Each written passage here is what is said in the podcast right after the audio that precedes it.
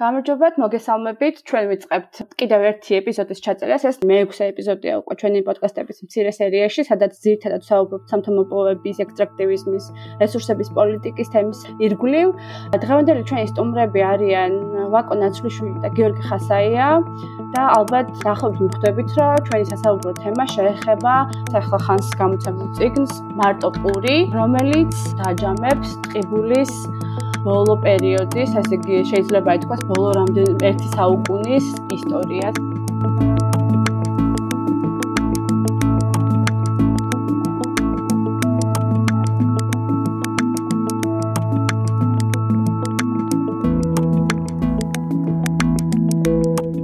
ეთილი თამარ დიდი მადლობა შენ პოდკასტში მონაწილეობის შესაძლებლობისთვის. შენობები დაიწყებ ცოტა შორიდან 90-იანების ქუთაისიდან, სადაც იდგა ფანახშირის სუნი. და ეს ფანახშირის სუნი დაკავშირებული იყო მასთან გასაგებია, რომ ადამიანები საწვავად იყენებდნენ, საჭმელი მომზადებინათ, წყალი აიღებინათ და ასე შემდეგ. წავდნენ ფანახშირის ქუთაისში და ამის სუნი ალაგ-ალაგ იდგა ქუთაისში. მე ერთი წელი ცხოვრობდი და სწავლობდი ქუთაისში და ძალიან კაფიოა ჩემს მეხსიერებაში აი ეს იგი სამეზობლოში ცხოვრობდა ქალი სახელად კორდელია, კორდელია ბებია, რომელთანაც თავს იყრიდნენ მეზობლები თავიანთი ჩაიგნებით. იმისთვის რომ თქვა დილით ბავშვებს ჩაი დაელია. და კორდელია, კორდელია ბებია წავდა ქვანახშირზე. მის ქვანახშირზე დუდებოდა ეს წყალი, რომლითაც მთელი სამეზობლო შემდეგ მარაგდებოდა დილის. ეს ხდება ქუთაისში, ხო? ეს ხდება ქუთაისში. ქვანახშირთან, ასე ვთქვათ, ჩემ პირველი შეხება და პირველი გამოცდილება მაგალითად ხო უკავშირდება რაღაც ტიპის გაზიარებას, ნებავთ რაღაც ტიპის რედისტრიბუციას და რაღაც ტიპის ზრუნვას ასე. ხო? აჰა. შემდეგ როდესაც ვიპოვეთ ტექსტზე მუშაობისას იმოთი მიჩელის ეს ციგნი ფანახშირის დემოკრატია ამან სადაც ასე ვთქვათ მიჩელს ფანახშირი გამოყავს სწორედ ესეთ ობიექტად ის მას ანიჭებს სწორედ ესეთ ადგილს, რომლის გარშემო შექმნილი ინფრასტრუქტურა პროლეტარიატ საშუალებას აძლევს აიძულოს პოლიტიკური და ეკონომიკური ელიტები მიიღონ კლასობრივად მათთვის სასურველი გააწყობილები. ანუ ფანახშირის გარშემო აგებული ეს ინფრასტრუქტურა ძირითადად მისი ცირკულაციის ტრაექტორია და ასე შემდეგ, და ეს ტექნოლოგიები საწოლობი, ხო? უქმნის ასე ვთქვათ აძლევს შანსს ბრძოლის პირობებში, თქვა მუშათა კლასს, რომ მთლიანად გააჩეროს ამ ენერგეტიკული სისტემის ცირკულაცია და სანაცვლოდ მოითხოვოს მისთვის სასურველი დღესწესი. ანუ მნიშვნელოვანწილად ის სწორედ რედისტრიბუციის საყოველთაო კეთილდღეობისკენ მიმავალ მიმავალ გზაზე ფანახშირი მე გამოჩნდა თქვა მიჩელთანაც რომ ასე ვთქვათ დაახლოებით იგივე ტიპის ობიექტია როგორც როგორც ეს კორდელიაბებია რა ეს რაც შეეხებოდა ასერად ინსპირაცია ხო რამდენიმე ნაირი შეიძლება იყოს რამდენიმე შემადგენელს მოიცავდეს მაგრამ ერთ-ერთი თქვათ პირადად ჩემთვის უდავოდ აი ეს იქნება ეს რაც ან და ნუ შემდგომ აი ეს სუნი კლავ ეს ნაცნობი სუნი იყო უკვე 2016 წელს სადაც ბუში გაფიცვის ხარდასაჭერად ჩავედით სხვა სხვა ქალაქებში ხო? აჰა კარგი, მაშინ რაღაც აი რადგან მიჩელი ვახსენეთ და ქვანახშირის რაღაც ისტორიული ისტორიული როლი მშრომელთა წინააღმდეგობის პრაქტიკების შექმნაში. რაღაც ძალიან ესე თუ დავალაგებთ, რა ვიცი, აზრს. მაგრამ ანუ მიჩელის ეს მონათხრობი ხო სინამდვილეში პრინციპში ეხება დასავლეთში ამ ინდუსტრიალიზაციის ტალღის შედეგად შექმნილ წარმოების ციკლებს. მაგრამ ჩვენ შემთხვევაში ეს ინდუსტრიული წარმოება ქვანახშირის ემთხვევა საბჭოთა კავშირის პერიოდს და საბჭოთა კავშირის მოპოვებით რეჟიმებს, ხო? თუ გვაქვს რამე ტიპის ცოდნა იმაზე და თქვენ ახლა იმუშავეთ წყაროებთან, ბევრი ისტორიული ამბავი არის მოყვანილი აი ამ ციგნში, რაც ძალიან ამდიდრებს ჩემი აზრით ხრობას. და აი აქ თუ როგორ შეიძლება აა დაუკავშიროთ ეს მიჩელის აზრი ქვანახშირის პოტენციალთან წინააღმდეგ შექმნას წინააღმდეგობის კერები იმას თუ როგორ ქმნიდა ეს რამე ტიპის კერას წინააღმდეგობისა თუ მშრომელთა მობილიზებისა თუ გაძლიერების საბჭოთა კავშირის პირობებში. დავიწყებ იმით, რომ საბჭოთა კავშირით დაიწყოთ ამ ლაპარაკი და მეც ამით დავიწყებ. გასაბჭოების შემდეგ საქართველოში ტყიბული შახტები გაერთიანდა. და პრინციპში უკვე 40-იან წლებში და ეს ემთხვევა მეორე მსოფლიო ომის პერიოდს, როცა ნაცისტურმა გერმანიამ დაიპყრო ის ადგილები, დაიკავა ის ადგილები, სადაც საბჭოთა კავშირი მოიპოვებდა ნახშირს. სიმძლავრეების 60%, როგორც ჩვენ აღმოვაჩინეთ. ამის შემდეგ იწყება ტყიბულში დღევანდელი სიტყვებით თუ ვიტყვით ინვესტიციების ჩადება. და ჩქარდება ტემპი, როგორ მოიპოვებს ტყიბული ქვანახშირს, იმიტომ რომ ეხლა უკვე ტყიბულის მოპოვებულ ქვანახშირს გაცილებით დიდი მნიშვნელობა აქვს, იმიტომ რომ როგორც თქვი, საბჭოთა კავშირის სიმძლავრეების დიდი ნაწილი, ნახშირის სიმძლავრეების დიდი ნაწილი უკვე დაკარგულია, ხო? და აქ საინტერესო არის ის, რომ ნახშირი, ხო, ეს არ უნდა გვერიოს იმაში, რომ ნახშირი მეორე მსოფლიო ომის შემდეგ არ გამختარა საბჭოთა კავშირში ენერგიის თავარი წყარო, ხო? ლენინი უწოდებდა ინდუსტრიის პურს, ინდუსტრიის საწვავს, რომელზეც ქანახშირზე სწორედ იდგა აი ეს 20-იან წლებში დაწყებული საბჭოთა ინდუსტრიალიზაცია. ნახშირის მოპოვებით გადაადგილდება რკინიგზა, რომელიც საბჭოთა კავშირამდე მე-19 საუკუნის მეორე ნახევარში უკვე საქართველოში კეთდება რკინიგზა, რომელიც ტყიბულს აკავშირებს დიდ ქალაქებთან და ადვილს ხდის ნახშირის ტრანსპორტირებას და ხო საბჭოთა კავშირშიც ნახშირს ცენტრალური როლი უჭირავს. მეორე მსოფლიო ომის მერე, როგორც თქვი, ისხდება ინვესტიცია ამ სფეროში და პიკს აღწევს 50-იან წლებში, როცა ტყიბულში 50-იანი წლების ბოლოს, როცა ტყიბულში უკვე ამოიღებენ 3 მილიონზე მეტ ტონა ქვანახშირს. 50-იანი წლები არის გადამწყვეტი კრიტიკული წლები ნახშირის ინდუსტრიისთვის საბჭოთა კავშირში, იმიტომ რომ ჩვენ ვიცით, რომ მარშალის გეგმა, რომელიც გულისხმობდა ევროპის გამოცოცხლებას, ეკონომიკურ გააქტიურებას, ითვალისწინებდა ნახშირის ჩანაცვლებას ნავთობით. ანუ მარშალის გეგმის ფარგლებში ამერიკა აფინანსებდა ევროპული ინდუსტრიის, ევროპული ინფრასტრუქტურის გადაწყობას ნავთობზე. დიდ ქარხნებს, დიდ საწარმოებს, თავარ ენერგომატარებლად გამოეყენებინათ არა ნახშირი, არამედ ნავთობი. და პრინციპში ეს ეს გარდაქმნები, ხო, ენერგეტიკული გარდაქმნები იწყება მარშალის გეგმასთან ერთად ევროპაში. საბჭოთა კავშირი ხედავს, რომ ევროპული მრეწველობა გადადის ნავთობზე და ეს მოქმედებას კარნახობს საბჭოთა კავშირსაც, იმიტომ რომ უკვე ბაზარი, ასე ვთქვათ, საწვავის ბაზარი იცვლება ფუნდამენტურად, ფუნდამენტურად იცვლება, გადადის ნავთობზე და საბჭოთა კავშირშიც ამავე პერიოდში იმარჯვებს ლოზუნგი ნავთობი ნახშირის ნაცვლად. და ამის მერე საბჭოთა კავშირი ამცირებს ნახშირის ინფრასტრუქტურაში ფულის ჩადებას, ხო? ფულის ჩადებას ამცირებს საბჭოთა კავშირი. და ეს უკვე კარგად ჩანს ჩვენ მოგვიწია ციგნის ციგნის წერის პროცესში და აგვემუშავებინა გაზეთი ტყიბული, რომელიც პრინციპში თელი საუკუნის მანძილზე გამოდიოდა ტყიბულში და რომელიც შეეხებოდა სწორედ ტყიბულის ცხოვრებას, ტყიბულის მეშახტეების ცხოვრებას და ამ გაზეთში უკვე ჩვენ 70-იანი წლების ბოლოდან აღმოვაჩენთ სტატიებს, რომლებშიც ლაპარაკი არის სწორედ იმაზე, როგორ იკლებს ტრიბულში ქვანახშირის ამოღება. ხო? და სხვათა შორის ამის თქმაც მინდოდა, რომ ამ გაზეთის ნომრების კითხვისას ჩვენ პრინციპ შეჩეული ვართ რას, რომ რას ნიშნავს საბჭოთა გაზეთი, ხო? ეს ნიშნავს მხოლოდ ნომენკლატურის და ბიუროკრატიის ასე ვთქვათ პოლიტიკის საგაზეთო ფურცლებზე აღბეჭდვას, მაგრამ ამ გაზეთების კითხვისას, ხო, ასეთი გამარტივებული სურათი არ გვხვდება.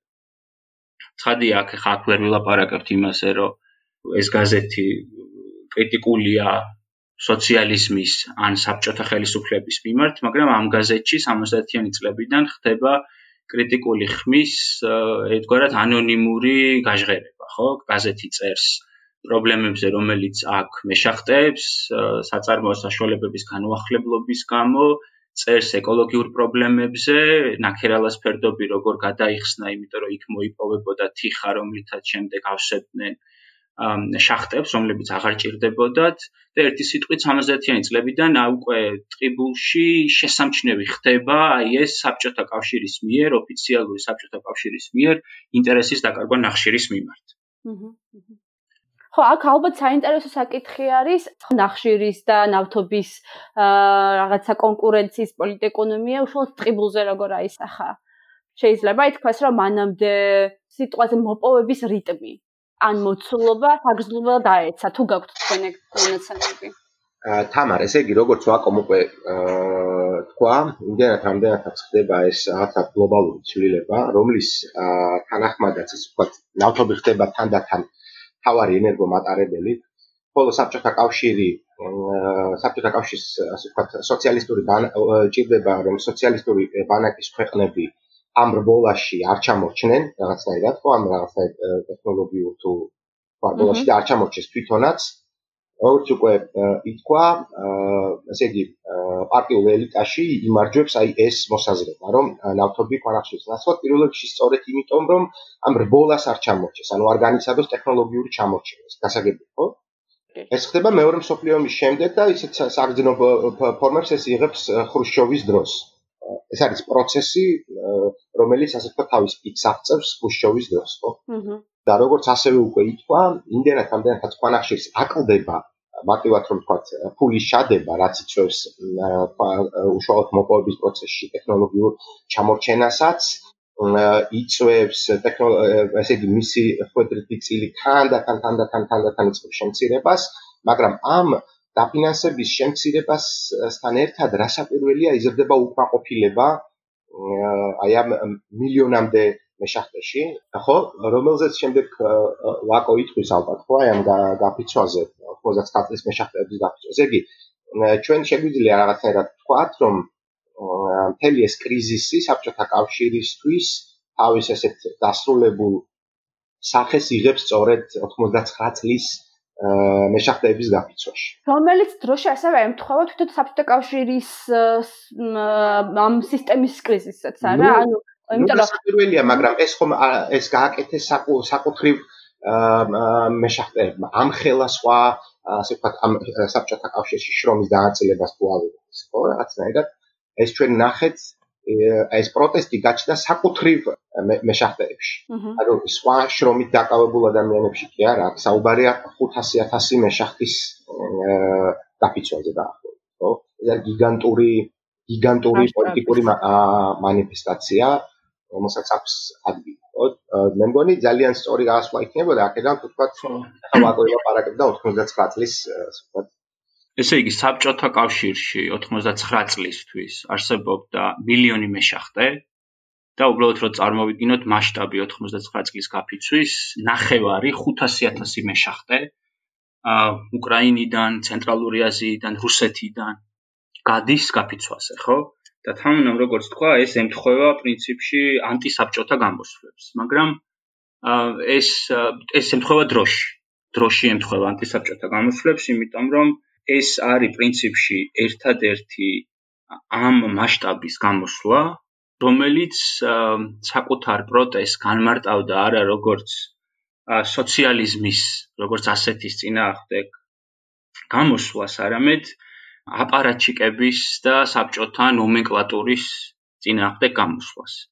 არსებობს ბევრი წერილი, სტატია, რომელიც ამ გაფიცვას სწავლობს და მე ანტისაბჭოთა ტალღა ტალღა შეიცადა რომ მიეთვისებინა ეს გაფიცვა როგორც ანტისაბჭოთა გაფიცვა მაგრამ თუ ნახავთ რა სითხოდნენ მეშახტეები ამ გაფიცვის დროს ეს მარტივად რო ვთქვა ეს იყო უკეთესი სოციალიზმი. ისინი ლაპარაკობენ იმაზე რომ არსებობს უთანასწორობა მათსა და საბჭოთა ნომენკლატურის და ბიუროკრატიის ნაზავ შორის მათი მოთხოვნები, მოთხოვნებს აქვთ ანტიკოლონიური ელფერით, შეიძლება ესეც ვთქვათ, იმიტომ რომ ისინი ამბობენ იმას, რომ რესურსებისგან ყლეფენ, მაგრამ სანაცვლოდ არაფერს გვიტოვებენ, სამრეწველო ნაგავის გარდა. ლაპარაკობენ იმაზე, როგორ უკეთ ცხოვრობენ საბჭოთა მაღალი საბჭოთა მოხელეები, როგორ ისვენებენ სანატორიუმებში, მაშინ როცა მეშახტეებს არ აქვს პროფესიული დაავადებების მკურნალობის შესაძლებლობა, ხო?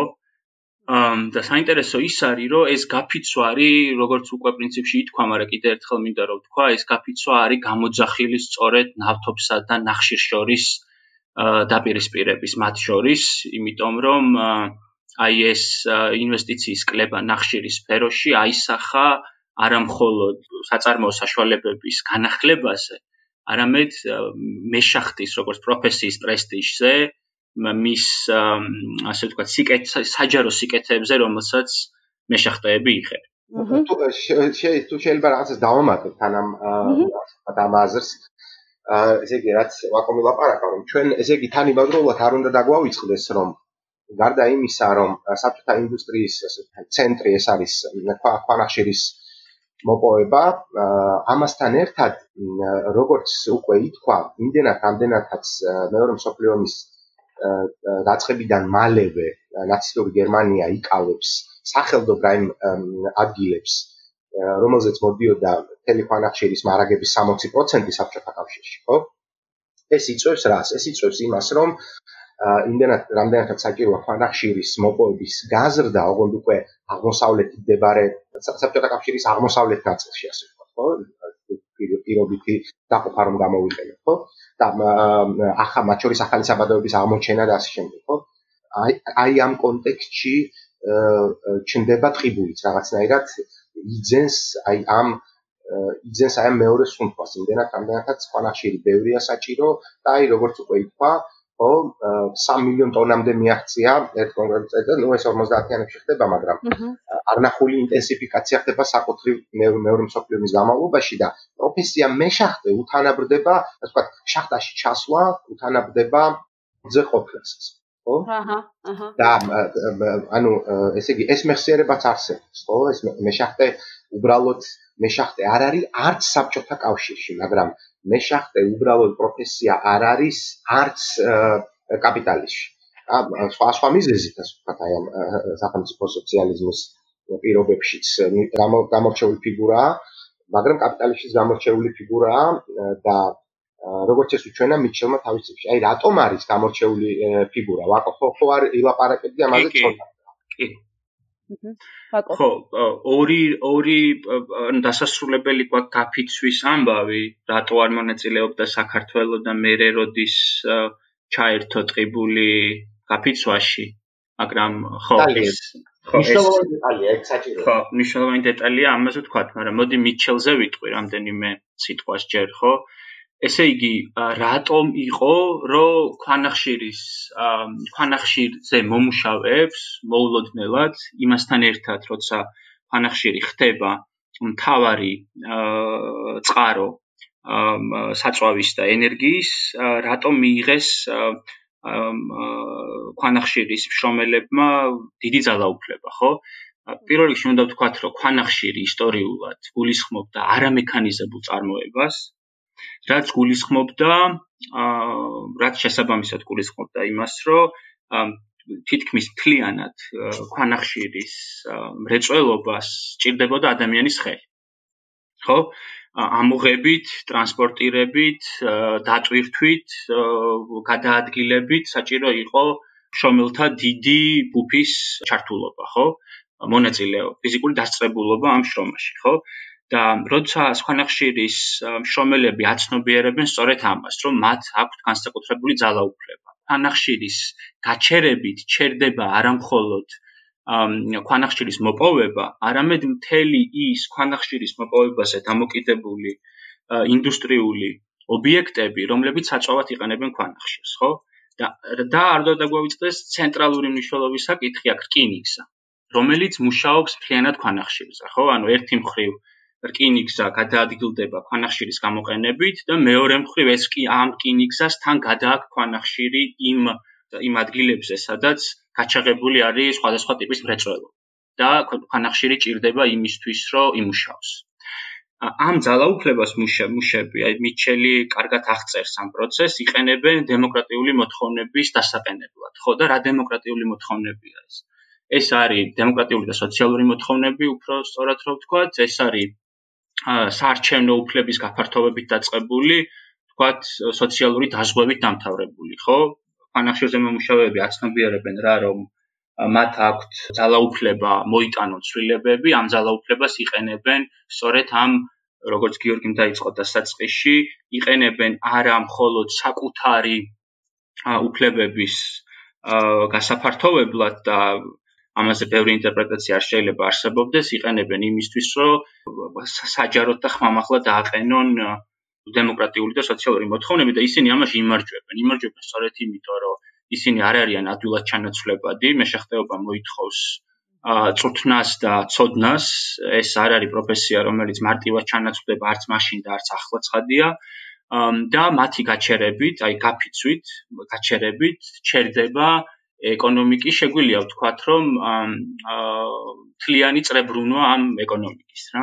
მთელი ციკლი. და როცა ჩვენ ლაპარაკობთ ნავთობის გამარჯვებ, ნავთობის გამარჯვებაზე ნახშირთან, ჩვენ აქ არ გულისხმობთ მხოლოდ ენერგეტიკულ ჩანაცვლებას. ჩვენ აქ გულისხმობთ ამ შრომელთა ძალაუფლების ცვლილებას ნავთობის გამარჯვებასთან ერთად, ხო? და ამის მაგალითს მოვიყვან, რატო ვერაზოს ვერ ეკნებათ, თქვათ, ნავთობზე მომუშავეებს იმხელა ძალაუფლება, რა ძალაუფლებაც ჰქონდათ ნახშირზე მომუშავეებს, ხო? ნავთობს ახასიათებს მექანიზებული მოპოვება, ცხადია ადამიანური სამუშაო ძალა იქ საჭიროა, მაგრამ შეუძლებელია შევადაროთ ნახშირის და ნავთობის მოპოვება, ნავთობი გადაადგილდება მილებით და საინტერესოა ის, რომ მილი როგორც ტექნოლოგიური გამოგონება გაჩნდა სწორედ თავის დროზე მე-19 საუკუნის ბოლოს შეერთებულ შტატებში გაჩნდა იმისთვის რომ შეემცირებინა შრომთა ძალაუფლება, შრომთა კაფიცვის ძალაუფლება, მილს არ ჭირდება ადამიანი, ის მიედინება ერთი ადგილიდან მეორეზე. და ნავთობის ჩანაცვლებასთან ერთად ამ აი ამ ჩანაცვლებას ახლა გასაგებია რომ ცოტა გვაქვს და ამ ყველაფერს ვერ ვიტყვით და თანდათან მახსენდება უბრალოდ სხვადასხვა საკითხი, თქვა მარშალის გეგმის ფარგლებში ნახშირის, ესე იგი ნახშირის ნავთობის ჩანაცვლებას ჰქონდა პოლიტიკური განზომილება. ეს არ იყო მხოლოდ ეკონომიკური განზომილება. და რა შემდგომარეობდა ეს? ეს მდგომარეობდა იმაში, რომ ევროპელი მეშახტეები, ანუ ადამიანები, რომლებიც მუშაობდნენ ნახშირზე, კეთილგანწყობილი იყვნენ საბჭოთა კავშირის მიმართ. და მარშალის გეგმის ფარგლებში ნახშირზე უარის თქმა და თანდათ კონკურენციის დასუსტება ნახშირის სფეროში, ხო, ამ დროს იქნება მარშალის გეგმის ფარგლებში ამ დროს იქნება ფოლადის და ნახშირის გაერთიანება, რომელიც ნახშირის სფეროში, ვთქვათ, ასუსტებს კონკურენციას და შესაბამისად მოპოვების რაოდენობასაც, ხო? ამის უკან პოლიტიკური მიზანი დგას ის, როგორც თქვი, რომ შემცირდეს იმ შრომელების ძალაუფლება, რომელიც ამავდროულად კეთილგანწყობილი არიან საბჭოთა კავშირის მიმართ.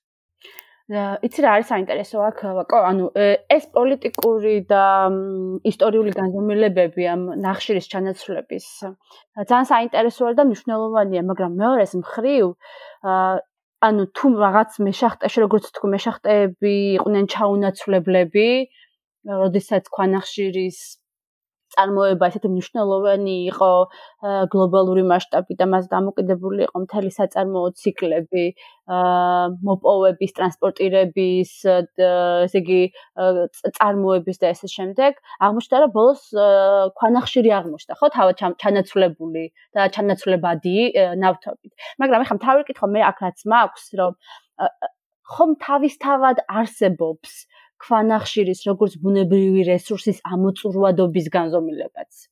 ანუ ადრე თუ გვიან, აა ფაქტი არის, რომ აა ქვანახშირი ჩანაცვლდებოდა, ხო? ანუ გასაგებია იქ რაღაცა პოლიტიკური მიზნები არსებობდა ამ ყველაფრის უკან, აა გასაგებია იქ რაღაც მთელი გეოპოლიტიკა იდგა და ინტერესები, თუმცა მაინც, ხო? ანუ მაინც რასაკვირველია? რასაკვირველია? ქვანახშირი ოდესღაც ჩანაცვლებოდა ისევე როგორც ნავთობი ოდესღაც ჩანაცვლება მაგრამ ის რომ რაღაცა ისედაც ხომ ამოიწურება ჩვენ ხომ ეს საბოლოო დანიშნულების ადგილები არ გვაინტერესებს არა ჩვენ გვაინტერესებს რა ეკონომიკურ, პოლიტიკურ და კულტურულ ინფრასტრუქტურას ქსოვს ის როგორც ენერგომატარებელი. ხეს? ანუ მის შიგნით, ვთქვათ, მისი გამპირობებული რაღაცა გარემოს ენერგი პირველ რიგში ენერგეტიკული გარემოს შიგნით რა ტიპის დაპირისპირებები ხდება, რა ტიპის კონფლიქტებთან გვაქვს ადგილი და რაში შეიძლება ეს გადაიღვაროს ან რაში შეიძლება და გადაღვრილიყო, ხო? ჩვენ აქ ამაზე ვსაუბრობთ რა და მნიშვნელოვანი არის რა, ხო, რომ ესე იგი ჩვენ ასევე ჩემი აზრით აი ამ ენერგომატარებლის ისტორიას ან და თქვათ ენერგომატარებლის პროლეტარიატის კლასობრივი ბრძოლის ისტორიას შევხედოთ არა როგორც არა მხოლოდ რაღაცა როგორც რესურსების მithვისების, ხო?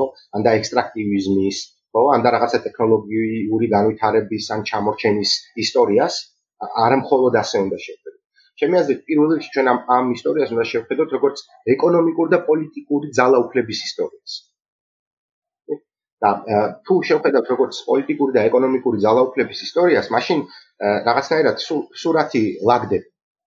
იმის მიუხედავად, რომ რა თქმა უნდა, ფანახში ამოწურვად რესურსია და ის ოდესღაც მაინც ხომ ამოიწურებოდა, ჩვენთვის მნიშვნელოვანია სხვა რამ, ასე ვთქვათ, კიდევ ერთხელ რომ თქვა, რა ქსელები შექმნა ფანახშირმა და მის გარშემო ორგანიზებულმა ძალთა დაპირისპირება. ამ თვალსაზრისით, ესე იგი, ერთ ვაკოს ერთ აზრს გავაგრძელებ, ხო? ესე იგი, პრინციპში რა არის საინტერესო? ხო, საინტერესო არის ის, რომ რაღაცნაირად კიდევ ერთხელ რომ გავიმეოროთ ეს აზრი, ხო? ესე იგი, ინდუსტრიული დემოკრატიისთვის, რომლის თავარი საწვავი არის ფანახშირი, ხო?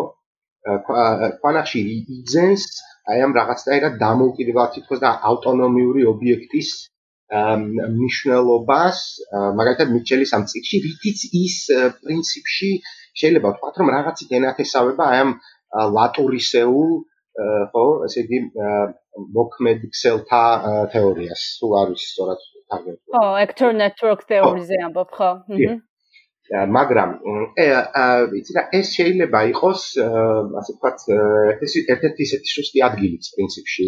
ამ ამ ტექსტის იმიტომ კიდე ერთხელ ვამბობ რომ ჩვენ ერთია გვაინტერესებს ფანახშირი როგორც რაღაც დამოკიდებელი ობიექტი, მაგრამ უფრო მნიშვნელოვანია და ამ წიგნის მიზანიც ეს იყო, ხო, რომ ჩვენ გვეჩვენებინა ფანახშირის გარშემო დატრიალებული ამბავი, როგორც იყოდნენ ერთ ცალკე აღებულ ქვეყანაში, ხო? და გვეჩვენებინა რაღაცნაირად მისი აი ამ ფანახშირის როგორც მთავარი ენერგომატარებლის ცირკულაციის, მისი მოძრაობის ტრაექტორიის ასე ვთქვათ ეფექტები ქალაქ ტყიბულში. ოღონდ ისე რომ არ მოგვეწყვიტა ქალაქი ტყიბული ამ ქვანახშირის გლობალური ცირკულაციისგან. როცა თამბობ აი ქვანახშირის პოლიტიკურ მნიშვნელობასთან დაკავშირებით ისე ვაით მახსენდება რომ აი ძალიან არ მინდა გადავარდეთ აი ამ რაღაცა ქვანახშირის როგორც ვთქვათ დამოუკიდებელი ან ავტონომიური ობიექტის რომელიც ისევე მონაწილეობს როგორც ადამიანის სოციალურ ცხოვრებაში. რაღაცნაირად ეს ჩემთვის ეს ვთქვათ პრინციპში ბოლომდე არადამაჯერებელია ზე რაღაცნაირად საეჭვაზე ამიტომ სულ მინდა ხოლმე დაუბრუნდე ამ პოლიტიკური და ეკონომიკური ძალაუფლების ისტორიას ნავთობი როგორც წესი ეს მოსახლეობის და მოშორებულ ადგილებში ახოლმე და უკვე ითქვა რომ ახლა მისი გადატანა მისი ტრანსპორტირება და ასე შემდეგ უკავშირდება პრინციპულად სხვა ტექნოლოგიურ პროცესს, რაც ამცირებს ამ სფეროში დასაქმებული ადამიანების ერთიან ბრძოლას, მაგალითად რაღაცა გაფიცვის ტიპის. ნავთობების გაფიცვებიც რა თქმა უნდა გვაქვს, მაგრამ იმდენად რამდენადაც ნავთობის პროლეტარიატი უკვე მოკლებულია, ასე ვთქვათ, მთლიან ენერგეტიკულ სისტემაზე გავლენის მოხდენის შესაძლებლობას, გუნებრივია აქ ჩვენ არ აგვაქვს ისეთი პროცესები, როგორიც ფანახშირის საბადოებთან გქონდა. და რა არის მნიშვნელოვანი ერთი პატარა რამ შეიძლება ითქვას ასევე ასე ვთქვათ ფანახშირის და ნავთობის ისტორიისთვის მიჩელი ამ ამ ციკში ეკამათება აი ამ თეზის რომელიც ასე ვთქვათ ცნობილი თეზისია რომელიც ასე ვთქვათ არ მხოლოდ სოციოლოგების და ასე ვთქვათ ისტორიკოსების მხრიდან ყოფილა ასე ვთქვათ შემოთავაზებული. არამედ ისეთი უცნაური საინტერესო ავანტურისტული და სპეკულატიური მოაზროვნისგანაც კი როგორც არის ფაქტით ირანელი ინჟინერი და ფილოსოფოსი რეზანე გარისტანი ხო რომელიც ამბობს რომ ალბათ არსებობს რაღაცა ასე მზიური კაპიტალიზმი ან მზიური კაპიტალიზმი რომელიც დაუსრულებლად ფართოვდება და მეორე რიგში არსებობს ეს ნავთობი და მასთან დაკავშირებული ჯიჰადი როგორც ურთიერთდაპირისპირებული ძალები ხო? მიჩელი ამბობს სულიად საპირისპირო რამეს ამბობს რომ ესე იგი აი ეს ეგრეთ წოდებული მაკ გლობალიზმი, ანუ გლობალიზებული კაპიტალიზმი და მეორე მხრივ ჯიჰადი არ უნდა დაისახოს აა მოწინააღმდეგეებად, პირიქით ის ამბობს, რომ ჩვენ საქმე გვაქვს რაღაც ტიპის მაკ ჯიჰადთან, ხო? მაგ გლობალიზმის და ჯიჰადის ოპოზიციის ნაცვლად გვაქვს მაგ ჯიჰადი, იმდენად რამდენადაც გლობალური კაპიტალიზმი თავად არის ერთ-ერთი ასე ვთქვათ ხელშემწყობი აღმოცენებელი და ასე ვთქვათ ინსპირატორი პოლიტიკური ისლამის და მე შემდეგ მათ შორის ჯიჰადისტის რაღაცაა. ხო, ასევე აი ეს ნავთობის და ნახშირის დაპირისპირება და ნავთობის თანდათანობით გამარჯვება, რომელიც პირდაპირ იყო დაკავშირებული შე ამერიკის პოლიტიკურ მიზნებთან, ხო, მარშალის გეგმის გავლით, აჩვენებს როგორ არის ჩანაცვლებადი ერთი ენერგია მეორე ენერგიით. ანუ ეს ჩვენ გვიყვება იმასაც, რომ დღეს შესაძლებელია ნავთობის ჩანაცვლება ეგრეთ წოდებული განახლებადი მწვანე ენერგიით, თუ იარსებებს ამის პოლიტიკური ძალაუფლება.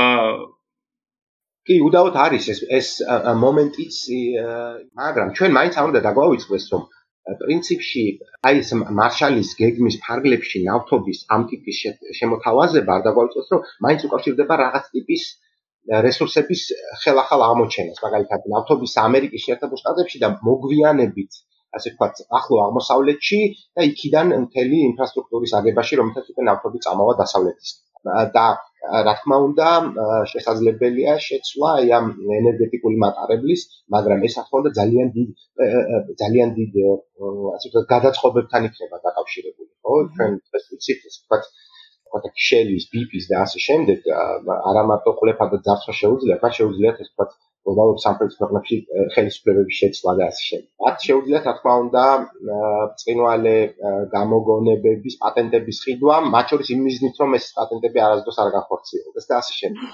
გულისხმობ არა არასანავთობო ტექნოლოგიებს, ან პანე განხილება. ამიტომ ეს საკითხები რასაკვირველი ასევე გლობალური კლასობრივი ბრძოლის საკითხები. და აი აქ ჩდება კითხვა მაშინ და რომ რამდენად რამდენად უნდა ვისაუბროთ ჩვენ და რამდენად მნიშვნელოვანია საუბარი თავად ამ რესურსების და გიორგი შენ თქვი ამის შესახებ და რაღაც განმარტება გააკეთე კიდევაც რომ არ არის მნიშვნელოვანი რა თქმა უნდა ქვანახშირი არამედ ის ძალაუფლებრივი მიმართულებები რაც ამ ქვანახშირმა წარმოქმნა ხო და აი ესე დავსვავდი კითხვას რომ ხო არ უნდა დავიწყოთ საუბარი და აქტიური მსჯელობა უკვე ჩვენ იმაზე თუ რა ტიპის მოპოვების და ათვისების და ჩამორთმევის ლოგიკაზე დღეს დღეს ტყიბულში წარმოდგენილი ქვანახშირის მოპოვების ეს მთელი რეჟიმი და ის რომ ჩვენ რაღაც ტიპის ფსონი ჩამოვიდეთ ამა თუ იმ რესურსზე დამოკიდებული რევოლუციური სუბიექტის შექმნაზე ან მის რაღაცა გარდაქმნაზე, სხვა ტიპის რევოლუციურ და ავტონომიურ გარდაქმნაზე, სხვა ტიპის რევოლუციურ სუბიექტთან. ამის ნაცვლად ხომ არ ჯობს და აჯობებს, რომ საუბარი დავიწყოთ სწორედ აი ამ რა ტიპის ძალაუფლებრივი და მოპოვების რეჟიმები გვაქვს სახეზე? ესე იგი, თამუნა, არსებული რეჟიმი ხო, ტყიბულში მოპოვების. თავიდან ალბათ ის უნდა ვთქვათ, რომ ესე იგი 2006 წელს ტყიბული ანახლებს მუშაობას, მანამდე საბჭოთა კავშირის დაშლის მერე ტრიბულში შახტები თითქმის გაჩერებულია 2006 წელს ეს საკმაოდ მნიშვნელოვანი წელი არის. შეიძლება უფრო მნიშვნელოვანი ვიდრე 2003 ხო? იმიტომ რომ ამ წელს ფორმდება ვარდების რევოლუციის რეჟიმი რას გულისხმობს ხო? და ეს არის დრო როცა უქმდება ის კეთილდღეობის სახელმწიფოს მიერ ზრუნვის ინსტიტუტები, რომელიც ჩანასახოვანი ფორმით დამოუკიდებელ სახელმწიფოში შეიქმნა, ხო? ეს არის შრომის ინსპექცია, გარემოს დაცვის სამსახური და ასე შემდეგ, ხო? და ამ პერიოდში უქმდება, ესე იგი, შრომის კოდექსი ისეთი როგორიც მანამდე არსებობდა და მიუხედავად იმისა რომ ხა ჩვენ ძალიან რთულია ვილაპარაკოთ იმაზე რომ 2006 წლამდე დამოუკიდებელ საქართველოსში მუშები კარგ მდგომარეობაში მუშაობდნენ მაგრამ 2006 წლიდან პრინციპში გვაქვს რასაც შეიძლება დავარქვათ თავისუფლების დაძალება ხო როცა სახელმწიფო მთლიანად გადის შრომითი ურთიერთობიდან და ამას გადაანდობს დამსაქმებელს და დასაქმებულს, ხო? თანამედროვე ისინი სიტყვები რომ გამოვიყენოთ. ან თლიანად ეთიშება სახელმწიფო შრომითი ურთიერთობის სფეროს 2006 წელს როცა მაგალითად სააკაშვილი ჩადის ტრიბულში ანონსებს იმას, რომ ტრიბული დაიმსგავსება ნორმალურ ქალაქს და ნორმალური ქალაქი პრინციპში ნიშნავს იმას, რომ ნორმალური ქალაქი ნიშნავს იმას, რომ ტრიბული ამიერიდან მთლიანად იქნება, ესე იგი, შახტის ადმინისტრაციის მისი მესაკუთრეების ნებაზე დამოკიდებული, ხო? საერთოდ იმის თქმა მინდა, რომ ან ტრიბული არ არის ჩვეულებრივი საწარმო, ხო? ესე იგი, ტრიბული შახტი ეს არ არის ჩვეულებრივი საწარმო. ა ეს არის ქალაქ წარმომქმნელი საწარმო, ხო, ეს აუცილებლად უნდა ვთქვათ იმისთვის, რომ ზუსტად გავიგოთ რა ეკონომიკურ ურთიერთობებში ცხოვრობდა ტყიბული საბჭოთა კავშირში და რა ურთიერთობაში ცხოვრობს დღეს. ტყიბულის შახტი იყო საწარმო, რომელმაც წარმოქმნა ქალაქი ტყიბული. სხვა შემთხვევაში ტყიბული თქვათ ოკრიბის რაიონის სხვა სოფლებისგან, ხო, არაფრით არ განსხვავდებოდა 19 საუკუნის ბოლოს. ნახშირის აღმოჩენასთან ერთად ის თანდათან იძენს სწორედ განსაკუთრებულ სტატუსს. მალევე წინასწარმეტყველებს მაგალითად ნიკო ნიკოლაძე, რომ ტრიბულს ეყოლება თავისი დასახლებული მუშები, ანუ მუშები, რომლებიც დასახლდებიან და წარმოშობენ ქალაქს. ცხადია ეს პროექტი მე საბჭოთა კავშირთან ერთად იქნება, რომ ტრიბული თანდათან შენდება და ემსგავსება, ასე ვთქვათ, ნამდვილ ქალაქს, მაგრამ მისი და მისი განვითარება პირდაპირ არის დაკავშირებული საწარმოსთან. არამხოლოდ იმიტომ, რომ საწარმო არის ძირითადი დამსაქმებელი, არამედ იმიტომ, რომ საბჭოთა კავშირის კეთილდღეობის მოდელის თანახმად ეს საწარმოები მხოლოდ კი არ ასაქმებენ მუშებს, არამედ უზრუნველყოფენ მათ პრინციპში მთლიან სოციალურ მომსახურებას, ხო? ეს იქნება ბინით უზრუნველყოფა, ეს იქნება სკოლების და საავადმყოფოების აშენება თუ კომუნალური მომსახურებით მომარაგება. და როდას და როცა ინგრევა საბჭოთა კავშირი, რომლის ეკონომიკურ ბრუნვაშიც არის ჩართული ქალაქი ტყიბული და რომლის მაცხოვრებლებიც არიან მთლიანად დამოკიდებული ამ საწარმოზე, ისინი კარგავენ არამხოლოდ სამუშაო ადგილს, არამედ კარგავენ თელ სოციალურ მომსახურებას. ანუ საბჭოთა კეთილდღეობის თელ ამ სისტემას, რომელიც პირდაპირ არის დაკავშირებული უშუალოდ საწარმოსთან. დღეს მაგალითად, როცა ტყიბულში ჩავდივართ, ჩვენ ხედავთ, რომ ეს დღესაც კი, როდესაც აი ეს სისტემა, ეხლა რასაც ჩვენ აღწერდით, აღარ არსებობს, დღესაც კი ეს ტრიბულის საწარმო ცდილობს, რომ აკეთებს რაღაცეებს, რაც რაც ადგილობრივი ხელისუფლების გასაკეთებელი. ეს არის სწორედ რაღაც ეკო იმ ფუნქციისა, რაც საბჭოთა კავშირში ქალაქ წარმომქმნელ საწარმოებს ჰქონდათ. და აქ თქვენი ნებართვით ერთ ერთ დეტალზე ერთ დეტალზე გავჩერდებოდი რაღაცნაირად. ესე იგი ისე რომ დაუბრუნდეთ უკან 2000-იანების შუაში ინვესტიცია შემოდის ქალაქ ტყიბულში, ფანხშირის საბადოში, მეჟუაშვილის კერძოდ ხომ? ჩვენ უნდა გვახსოვდეს, რომ როდესაც მიდის საუბრები იმაზე, რომ აი ეს ხომ დაამასაკეთებს ხადია კომპანია და მედია, რომელიც მას სიმპათიზირებს, რომ ეს სინამდვილეში ხომ სოციალური პროექტია.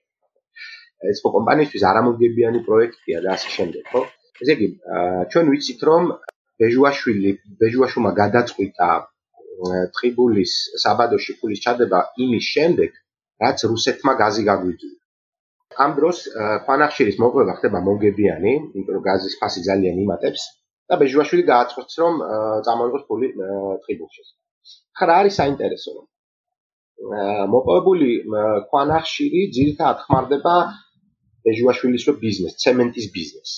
რომელიც გადის თქვათ მაგალითად აზერბაიჯანში წასის შემდეგ თან ეს შეებლობების ბუმია ამ დროს მთელ რეგიონში საქართველოს ჩა. მაგრამ ეს არ არის თავარი. თავარი არის ის რომ ტყიბულის ქვანახშირი გლობალურ ბაზარზე პრაქტიკულად არ მონაწილეობდა არასდროს. პრაქტიკულად არასდროს ქვანახშირის მოპოვების პირველი დღიდან ბოლო დღემდე.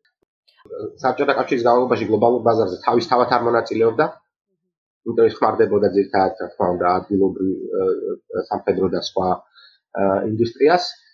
არც მე-19 საუკუნეში, როდესაც ის იქ მოპოვებული ქვანახშირი პრინციპში მთლიანად ხმარდებოდა ფლოტს, მეფის რუსეთის ფლოტს, და ისიც ასე ვთქვათ რაღაცა მთელი თავგადასავალი აქვს წებულის ფანახშის და მას ძალიან ლობირებდა ნიკო ნიკოლაძე.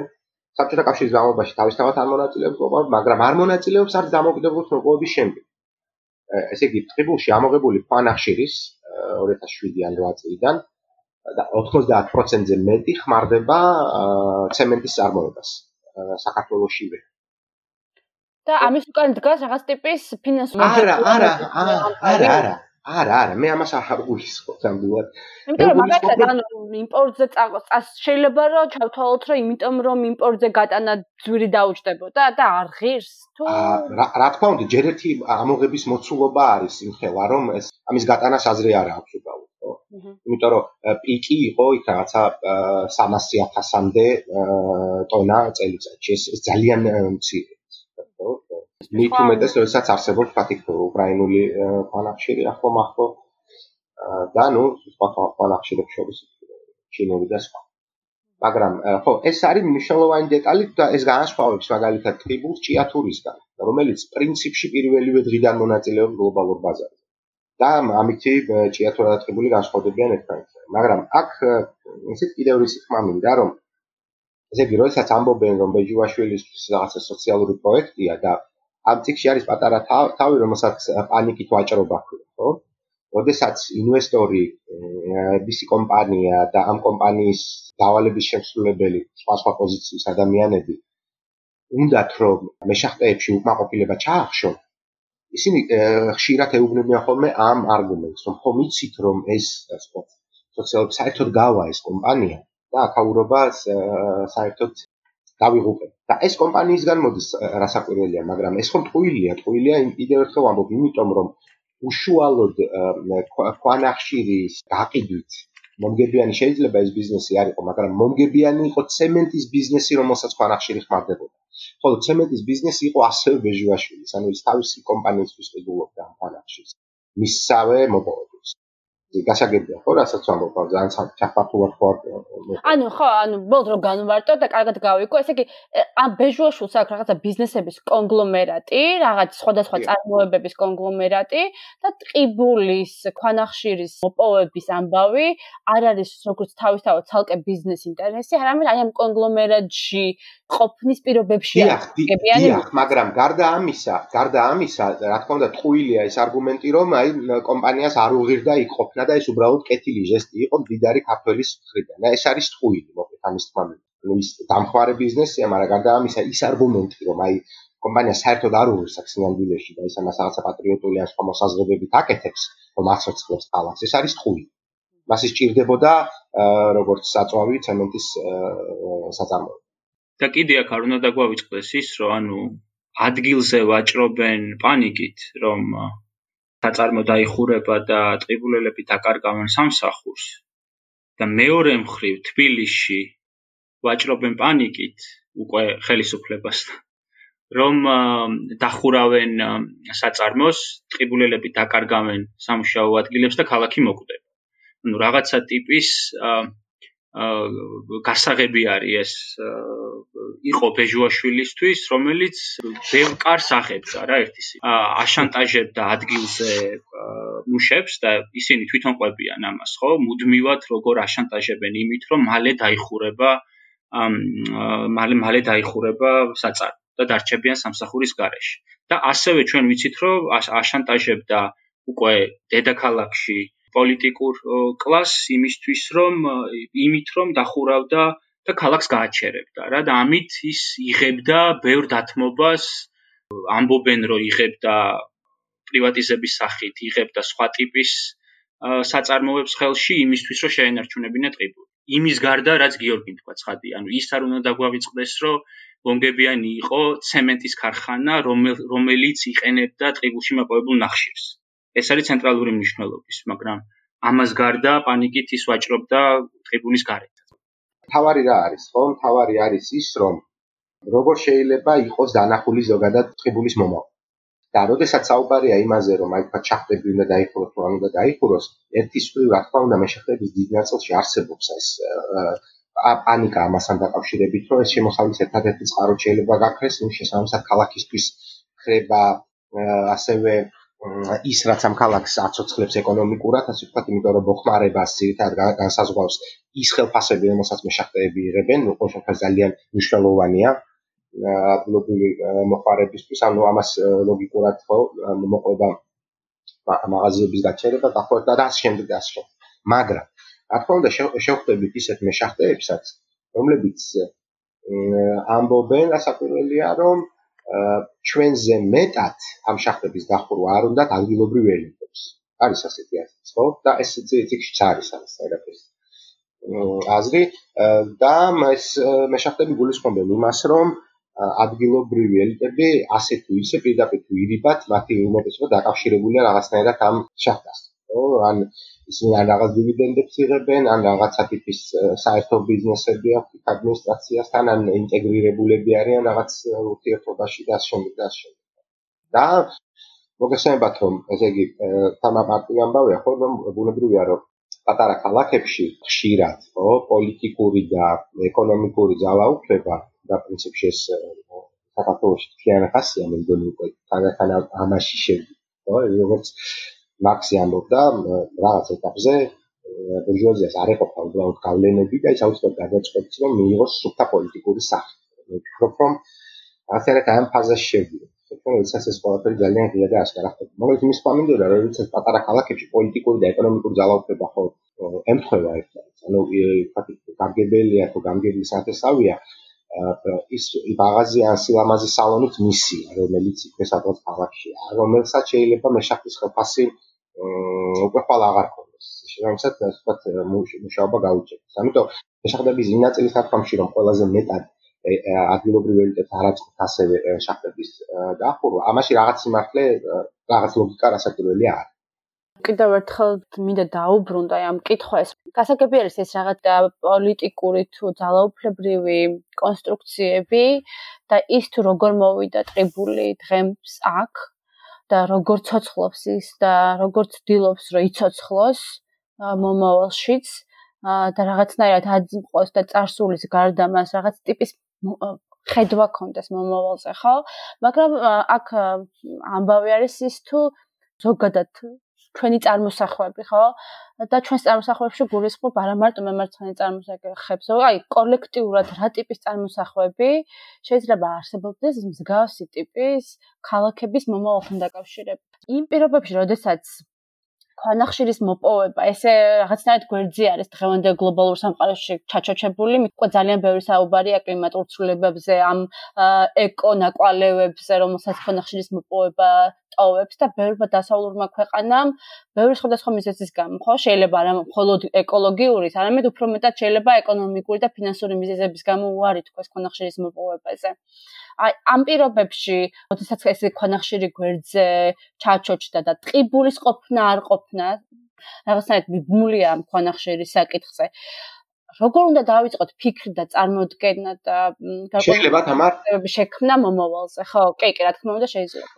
ხო, პირველი და მთავარი უნდა ვთქვათ, რომ არა მარტო ტყიბულის ქვანახშირის მომავალია ბუნდოვანი. ქვანახშირის მომავალია ბუნდოვანი ზოგი.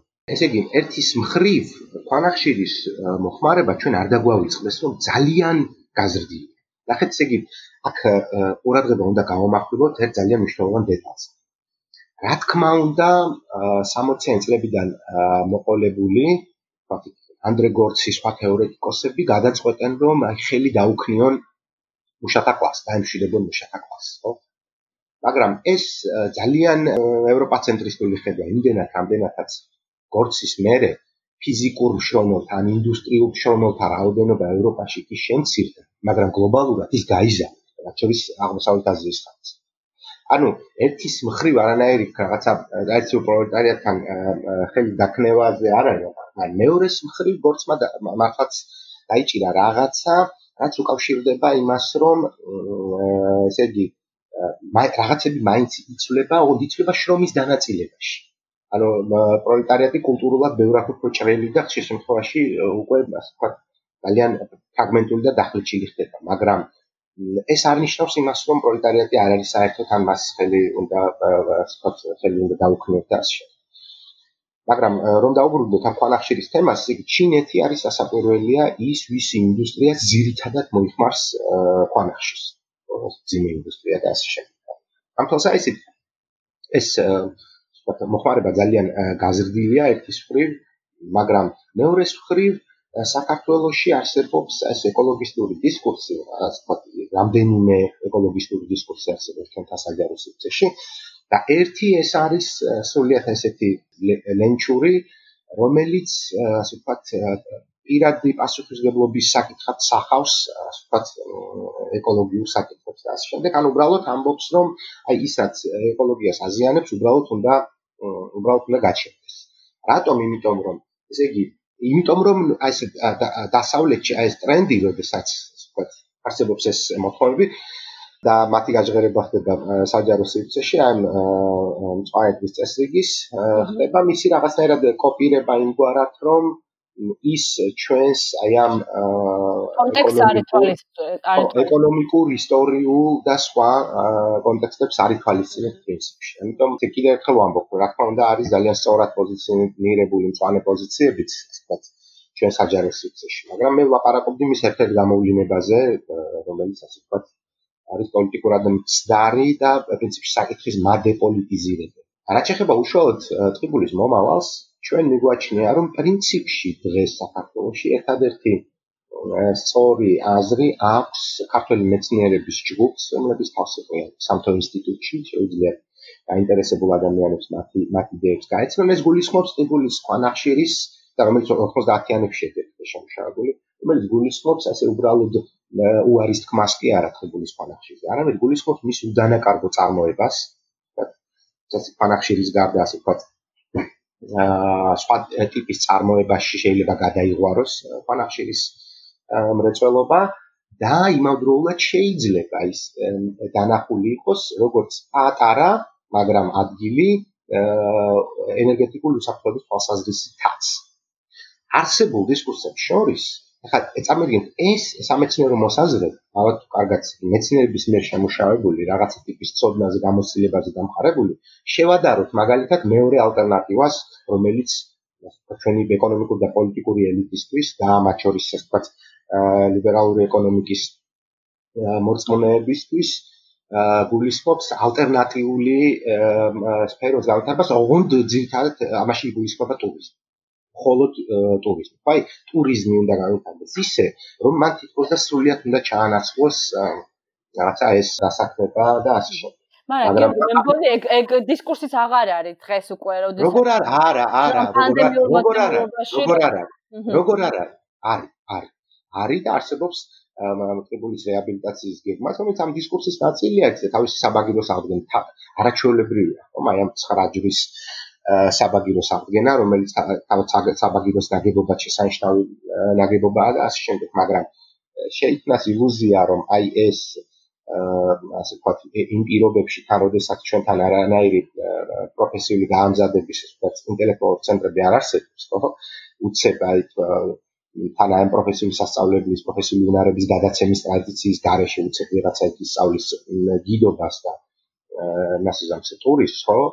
ეს ხო ასე ვთქვათ არადამაჯერებელია ეს სუსტია და არაფრის თქმელი. ტრიბულის მომავალი შეიძლება დანახული იყოს უკეთესად მექანიზებულ მათ შორის, ესე იგი, მათ შორის მოპოვებაშიც, რა თქმა უნდა შეიძლება იყოს ტურიზმიც, მაგრამ მნიშვნელოვანია ის, რომ უბრალოდ შახტების გახურვა, ისე რომ აი ჩვენ აი ჩემპიონები უნდა ვიყოთ ახლა იმაში რომ ვთქვათ ეკოლოგიაში ყველაზე ისე იმიტომ რომ კრიტიკული არ არის კრიტიკული ფანახშირი არ არის ჩვენი ეკოლოგიის ყველაზე დიდი პრობლემა ნამდვილად მაგრამ ვთქვათ, ათასობით ადამიანის უმუშევრად დარჩენა შეიძლება გახდეს ძალიან დიდი. მაგრამ რატო დგას არჩევანი ესე გიორგი? ანუ ჩემთვის არ დგას თამარ არჩევანი ასე. არჩევანი ასე დგას საჯარო სივრცეში. მე ხომ თქვი ეს ხაზგასმით, რომ საჯარო სივრცეში არსებობს აი ესეთი ორი აზრი პრინციპში. სხვა აზრი საჯარო სივრცეში ამასთან დაკავშირებით თუ არსებობს, შეგვიძლია რაღაცნაირად ანუ რა შეიძლება იყოს მაშინ ეს დავსო კითხავს. რა შეიძლება იყოს მემარცხენე აზრი ამასთან დაკავშირებით? ხო, ანუ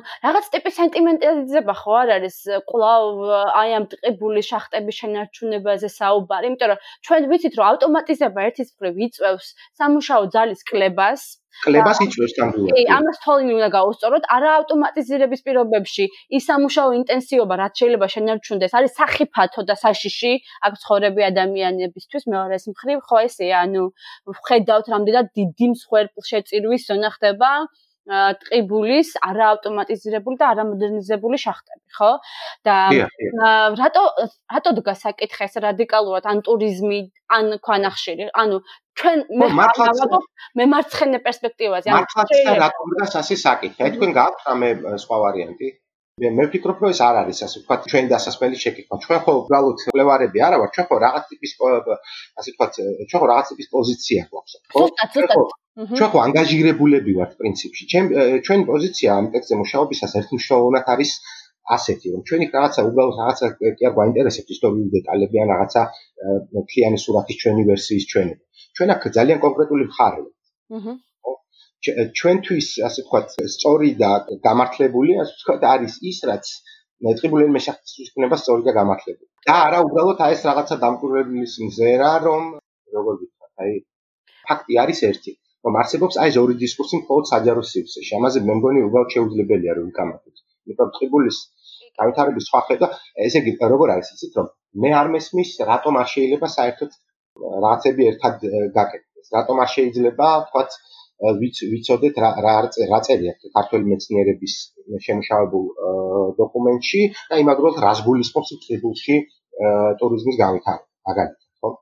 აა ეს ის ბრძოლა ყოველდღიური ბრძოლა უნდა გაგრძელდეს იმის მიუხედავად კიდევ ერთხელ ამბობ როგორია ტყიბულის მომავალი ხო მომავალი გარდა ამისა ჩვენ მომავალი ნახეთ როგორ არის რომ ეს მომავალიც ხომ არ არის სადღაც ძალიან იქით, ხო? ჩვენ შეიძლება ვილაპარაკოთ ახლო მომავალზე, რაღაცა საშუალო მომავალზე, რაღაცა ტიპის გრძელვადიან მომავალზე და სამივე მომავალში ტყიბულის საკითხის გადაწყვეტა შეიძლება ოდნავ სხვადასხვანაირად გამოიყურებოდეს. ამიტომ როდესაც მომავალზე ვლაპარაკობ, რაღაცნაირად მეწაკლებად ჭირდება რაღაც ჰორიზონტის დასახვა, აი რომელ საკუთრივ რომელ მომავალზე ვლაპარაკობ.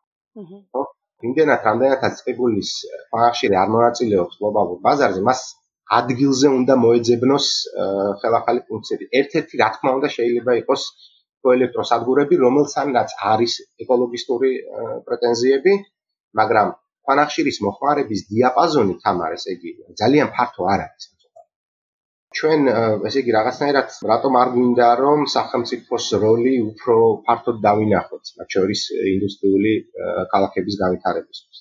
ჩვენ ხომ ესე იგი პრინციპში ჩვენ სადღაც მინიმუმ 20 წელია ალბათ ცხოვრობ სახელმწიფოში, რომელიც საკუთარ ფუნქცია, საკუთარ ერთ-ერთ ფუნქციას ხედავს ინფრასტრუქტურის მოწყობაში და საკანონმდებლო ბაზის შექმნაში, რომელიც კომფორტული იქნება უცხოური კაპიტალისთვის, იმდენად ამდენად უცხოური კაპიტალი ხალხს დაასახებს, შემოიტანს ტექნოლოგიებს და ჩვენ გავხდებით აი ის ვინც გვინდა რომ ვიყოთ. მაგრამ ჩვენ დაახლოებით 30 წელიწადია ეს გვაქვს. ხო? ამ ამ მოდელმა აჩვენა მისი ლიმიტები. ამ მოდელმა აჩვენა პრინციპში მისი შეუმდგარო. ამ სახელმწიფოს სრული წასვლის. ამიტომ სახელმწიფომ რა უნდა ქნას, პასუხი იქნებოდა ის, რომ სახელმწიფო მინიმუმ უნდა გაეცნოს ადგილობრივ ცოდნას, მინიმუმ უნდა გაეცნოს ადგილობრივ ცოდნას, რომელიც არსებობს ტყიბულის განვითარებასთან დაკავშირებით. შემდეგ ნახოს რაღაცა ტიპის საერთაშორისო პრაქტიკები. და შემდეგ გამოიყვანოს რაღაცა საშუალო, რომელიც სადაც მას არ შეეშინდებოდა პასუხისგებლობის აღებას.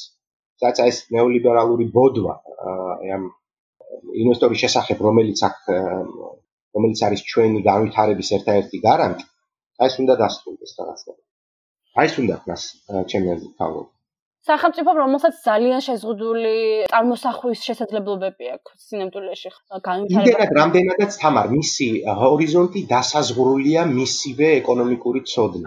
ჩვენ ყავს ელიტები, რომლებიც პრინციპში ეს თავად იყვნენ ბიზნესმენები, პრინციპში თავად იყვნენ გახდნენ მილიონერები საბჭოთა კავშირის განგრევებზე თუ შემდეგ თუ ყვლეფით დერეგულირებული ფინანსური სექტორით იშოვეს ფული. რა თქმა უნდა, მათ ვერაზე რომ წარმოუდგენიათ, რომ ადამიანი სხვანაირად შეიძლება გამდიდრდეს, ან კეთილდღეობა სხვაგვარად შეიძლება დადგეს.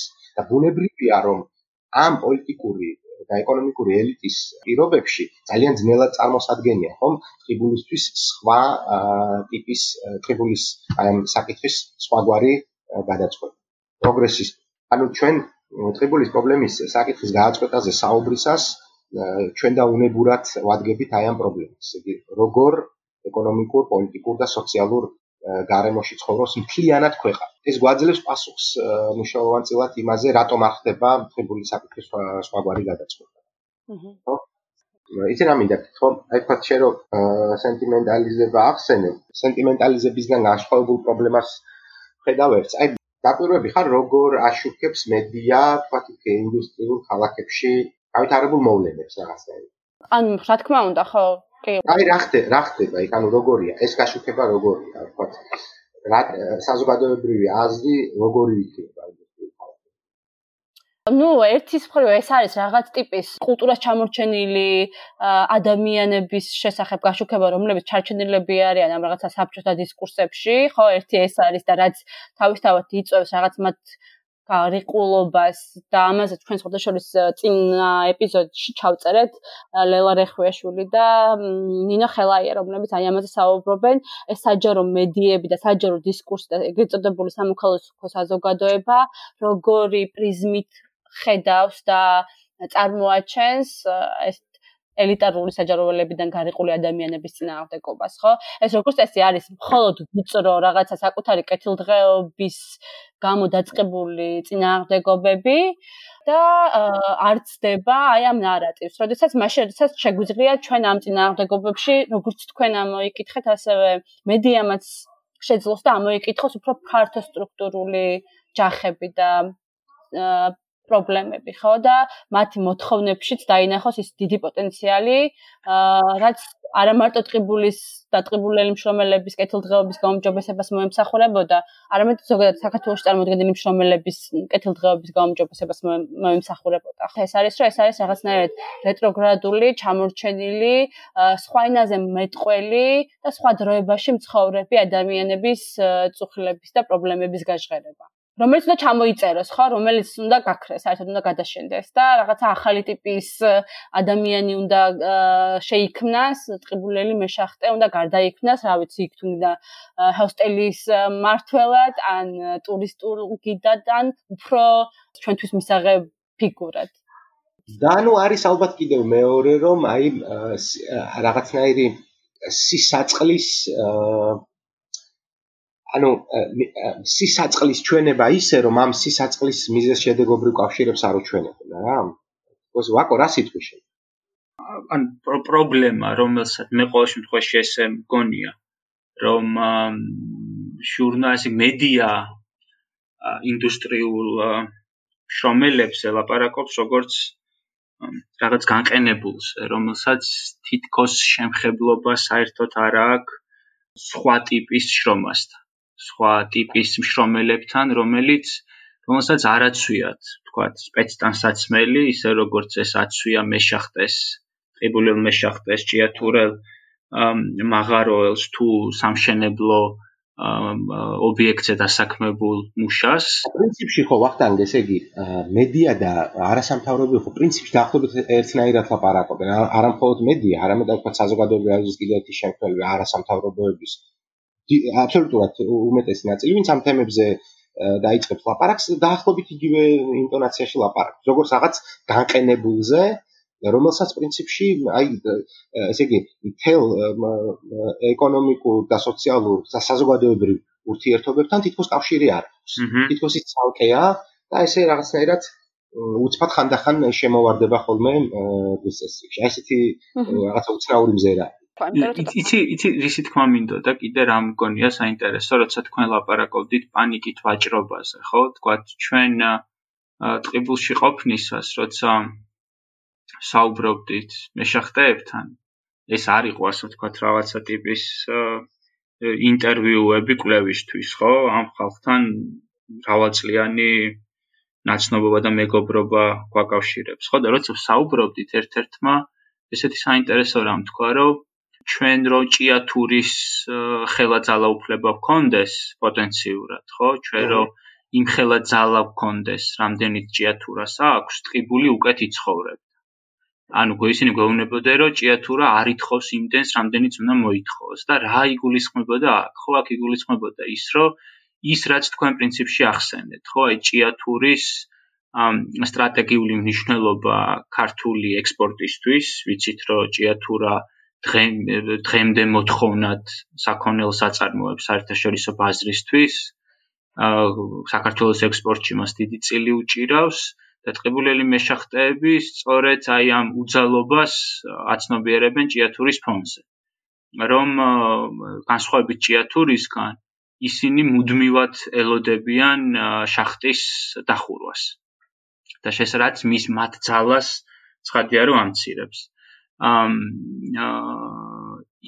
ისინი ანუ არ გვითქვამს ჩვენ რაც ლაპარაკი დავიწყეთ ტყიბულზე რომ ჩვენ პრინციპში ტყიბულში ჩავედით აა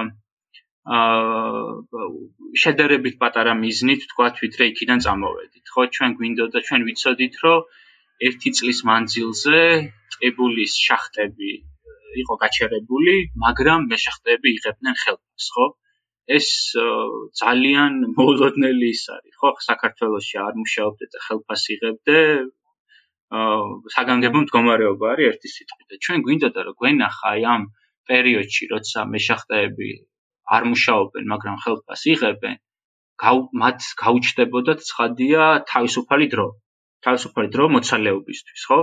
და ჩვენ ამის გავლით გვინდოდა გვენახა საქართველოში რა კულტურული სივრცეები ინფრასტრუქტურა არსებობს იმისთვის რომ ეს თავისუფალი დრო მოცალეობა გამოყენებული იყოს, ხო?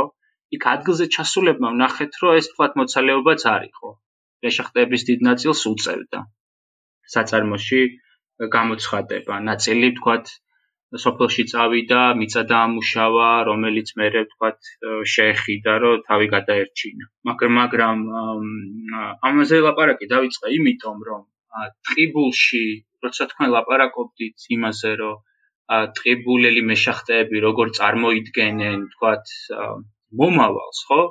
ძალიან თუ ანუ იმისთვის რომ ამის შესახებ მსჯელობა შედგეს, არანაირი სივრცეები ტყიბულში არ არსებობს, ხო? ტყიბულს არ აქვს არანაირი კულტურული ინფრასტრუქტურა იმისთვის, რომ მეშახტეებმა შეძლონ საერთო გასაჭირზე ლაპარაკი და მომავლის მომავლის დაგეგმა, ესე რომ ვთქვათ რა და კულტურულ ინფრასტრუქტურაში მე არ გულისხმობ მხოლოდ სახელოვნებას, ხო? კულტურას მოვიაზრებ უფრო ფართოდ და აქ მოვიაზრებ მაჩორის სპორტულ ინფრასტრუქტურას, ხო? ერთადერთი რაც ტყიბულში, ვთქვათ, ხილული არის, დამო, აი რა შეიცვალა ტყიბულში, ქალაქზე დაკვირვების თვალსაზრისით რა შეიცვალა ტყიბულში საქართველოს დამოუკიდებლობის მერე, ხო? პირველი რაც თვალში გვხვდება არის დაცარიელება. ანუ იქ ტებულში ადგილზე ჩვენ გვიჩვენებდნენ დაცარიელებულ სახლებს, დაცარიელებულ საბავშვო ბაღებს, დაცარიელებულ სკოლებს. ან ტყიბული პრინციპში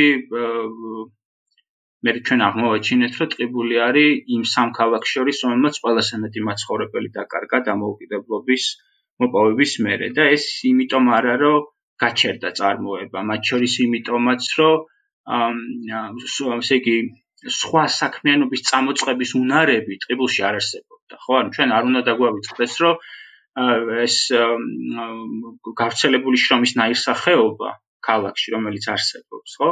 ეს რა შრომის ნაირსახეობაც არსებობს, იმის შესაბამისი უნარჩვევები აქვს ამ ქალაქში მაცხოვრებლებს.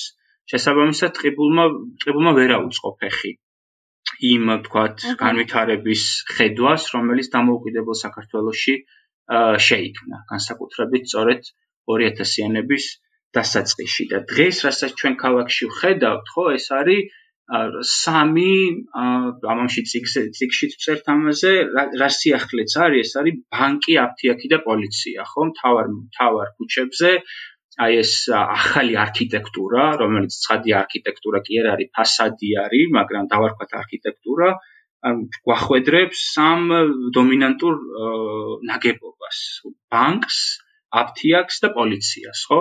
სხვა მხრივ ტყიბულის ტყიბულში ბევრი შეცვლილი არაფერი არ არის. აჰა. ერთ რამეს დავამატებ აუცილებლად, აი, როდესაც ვაკოლაპარაკობს, ხო, რომ ეს კულტურული ინფრასტრუქტურა პრინციპში ანმოშლილია, რომ ანდა ასე ვთქვათ, ჩვევა არის დაკარგული, ხო? სადაც რამე შეარჩუნებე, ჩვევა არის დაკარგული ზიარულის, ხო? და იმავდროულად აქ აუცილებლად მივიდივართ ისეთ უაღრესად მნიშვნელოვან საკითხს, საკითხს, რომელიც ჯერ არ გიხსენებია და როგორც არის პროფკავშირი და პროფკავშირული მუშაობა. ხო რაღაცა. და უნებლიეთ შევეხებით ხო ჩვენს პროფკავშირს, რომელიც თავის ფუნქციას ჩვენ ხო რეგიონში ყველაზე უთანასწორო ქვეყანა ვართ რა. ჩვენ გვაქვს თითით საჩვენებელი ნეოლიბერალიზმი. და აქ პროფკავშირი თავის ფუნქციას მხოლოდ რაღაცა ცალკეული საქმეების სასამართლოში წარმოებაში მის მოგებაზე და ამ შემდეგ მხოლოდ ასე რომ ხედავს თავის ფუნქციას, რომ რაღაც ცალკეული საქმეები მოიგოს ან იურიდიულ დავაში ვერი დაუდგეს. შეხო მიცით რომ ეს არათუ არასაკმარისია, ეს რაღაცა თავის მოკატუნება. ეს ყვილი, ხო? იმიტომ რომ განსაკუთრებით ჩვენთან პროფკავშირს შეუძლია ბევრად მნიშვნელოვანი აა ფუნქციის აღება სოციალური პროგრესისთვის. რა თქმა უნდა, იქნება 1000 კონტრარგუმენტი, რომ აი რესურსები არ არის ეს არსებული რესურსებითაც კი საქართველოსი პროფკავშირი შეიძლება და უნდა იყოს ბევრად უფრო ძლიერი. აჰა. და ძლიერი პროფკავშირი არ ნიშნავს მხოლოდ რაღაცა კონკრეტული ინდივიდუალური ან კოლექტიური საქმეების მოგებას. ის ნიშნავს პოლიტიკური ცნობიერების გავრცელებას. შრომელ ადამიანებში. ეს მათთვის ნიშნავს პოლიტიკური სურათის დანახებას. ვინ არის დასაქმებული სადგას, აი საკუთრივ რითი განსხვავდება მისი ინტერესი დასაქმებლის ინტერესისგან, ხო? რატომ აქვს აი ამ რაღაც ტიპის წინააღმდეგობას და ბრძოლას აზრი, ხო? როგორი უნდა იყოს მაკროლოგიურობა, როგორ როგორ უნდა მოხდეს აი ამ ასე იგი კლასობრივი ცნობიერების განახლება რაღაცა. და აქ რაღაცაერად ორივეს კითხავთ, უბრალოდ გაგიზიარებთ, ხო, რომ პრინციპში რატო რატო ხდება ისე, ну, რაღაც კონკრეტული მიზეზები აქვს ამას, რამდენი მიზეზი მეც ვიცი, მაგრამ აი თქვა ფაქტობრივად შეიძლება ლაპარაკი, რომ ყველაზე ისეთი ძლიერ მოქმედი და გნებავთ ეფექტების თვალსაჩინო მნიშვნელოვანი გაფიცვები პრინციპში არ ხდება ისეთ სფეროებში, საიდანაც და არ ხდება დიდ ქალაქებში, როგორც წესი. ხო? ის ხდება რაღაცა პატარა ინდუსტრიულ ქალაქებში. ნუ გასაგებია, რომ ეს ის რომ რაც თქვა ვიცი ხო, რომ ტრადიციულ საწარმოში პატარა ქალაქში სადაც ყველა ერთმანეთს იცნობს, ხო? რაღაცა რაც სიფცეში გადაადგილება ბევრად ადვილია და პლუს რაღაც ტიპის კვალიფიკაციას უკავშირდება პროფესიული საქმიანობა.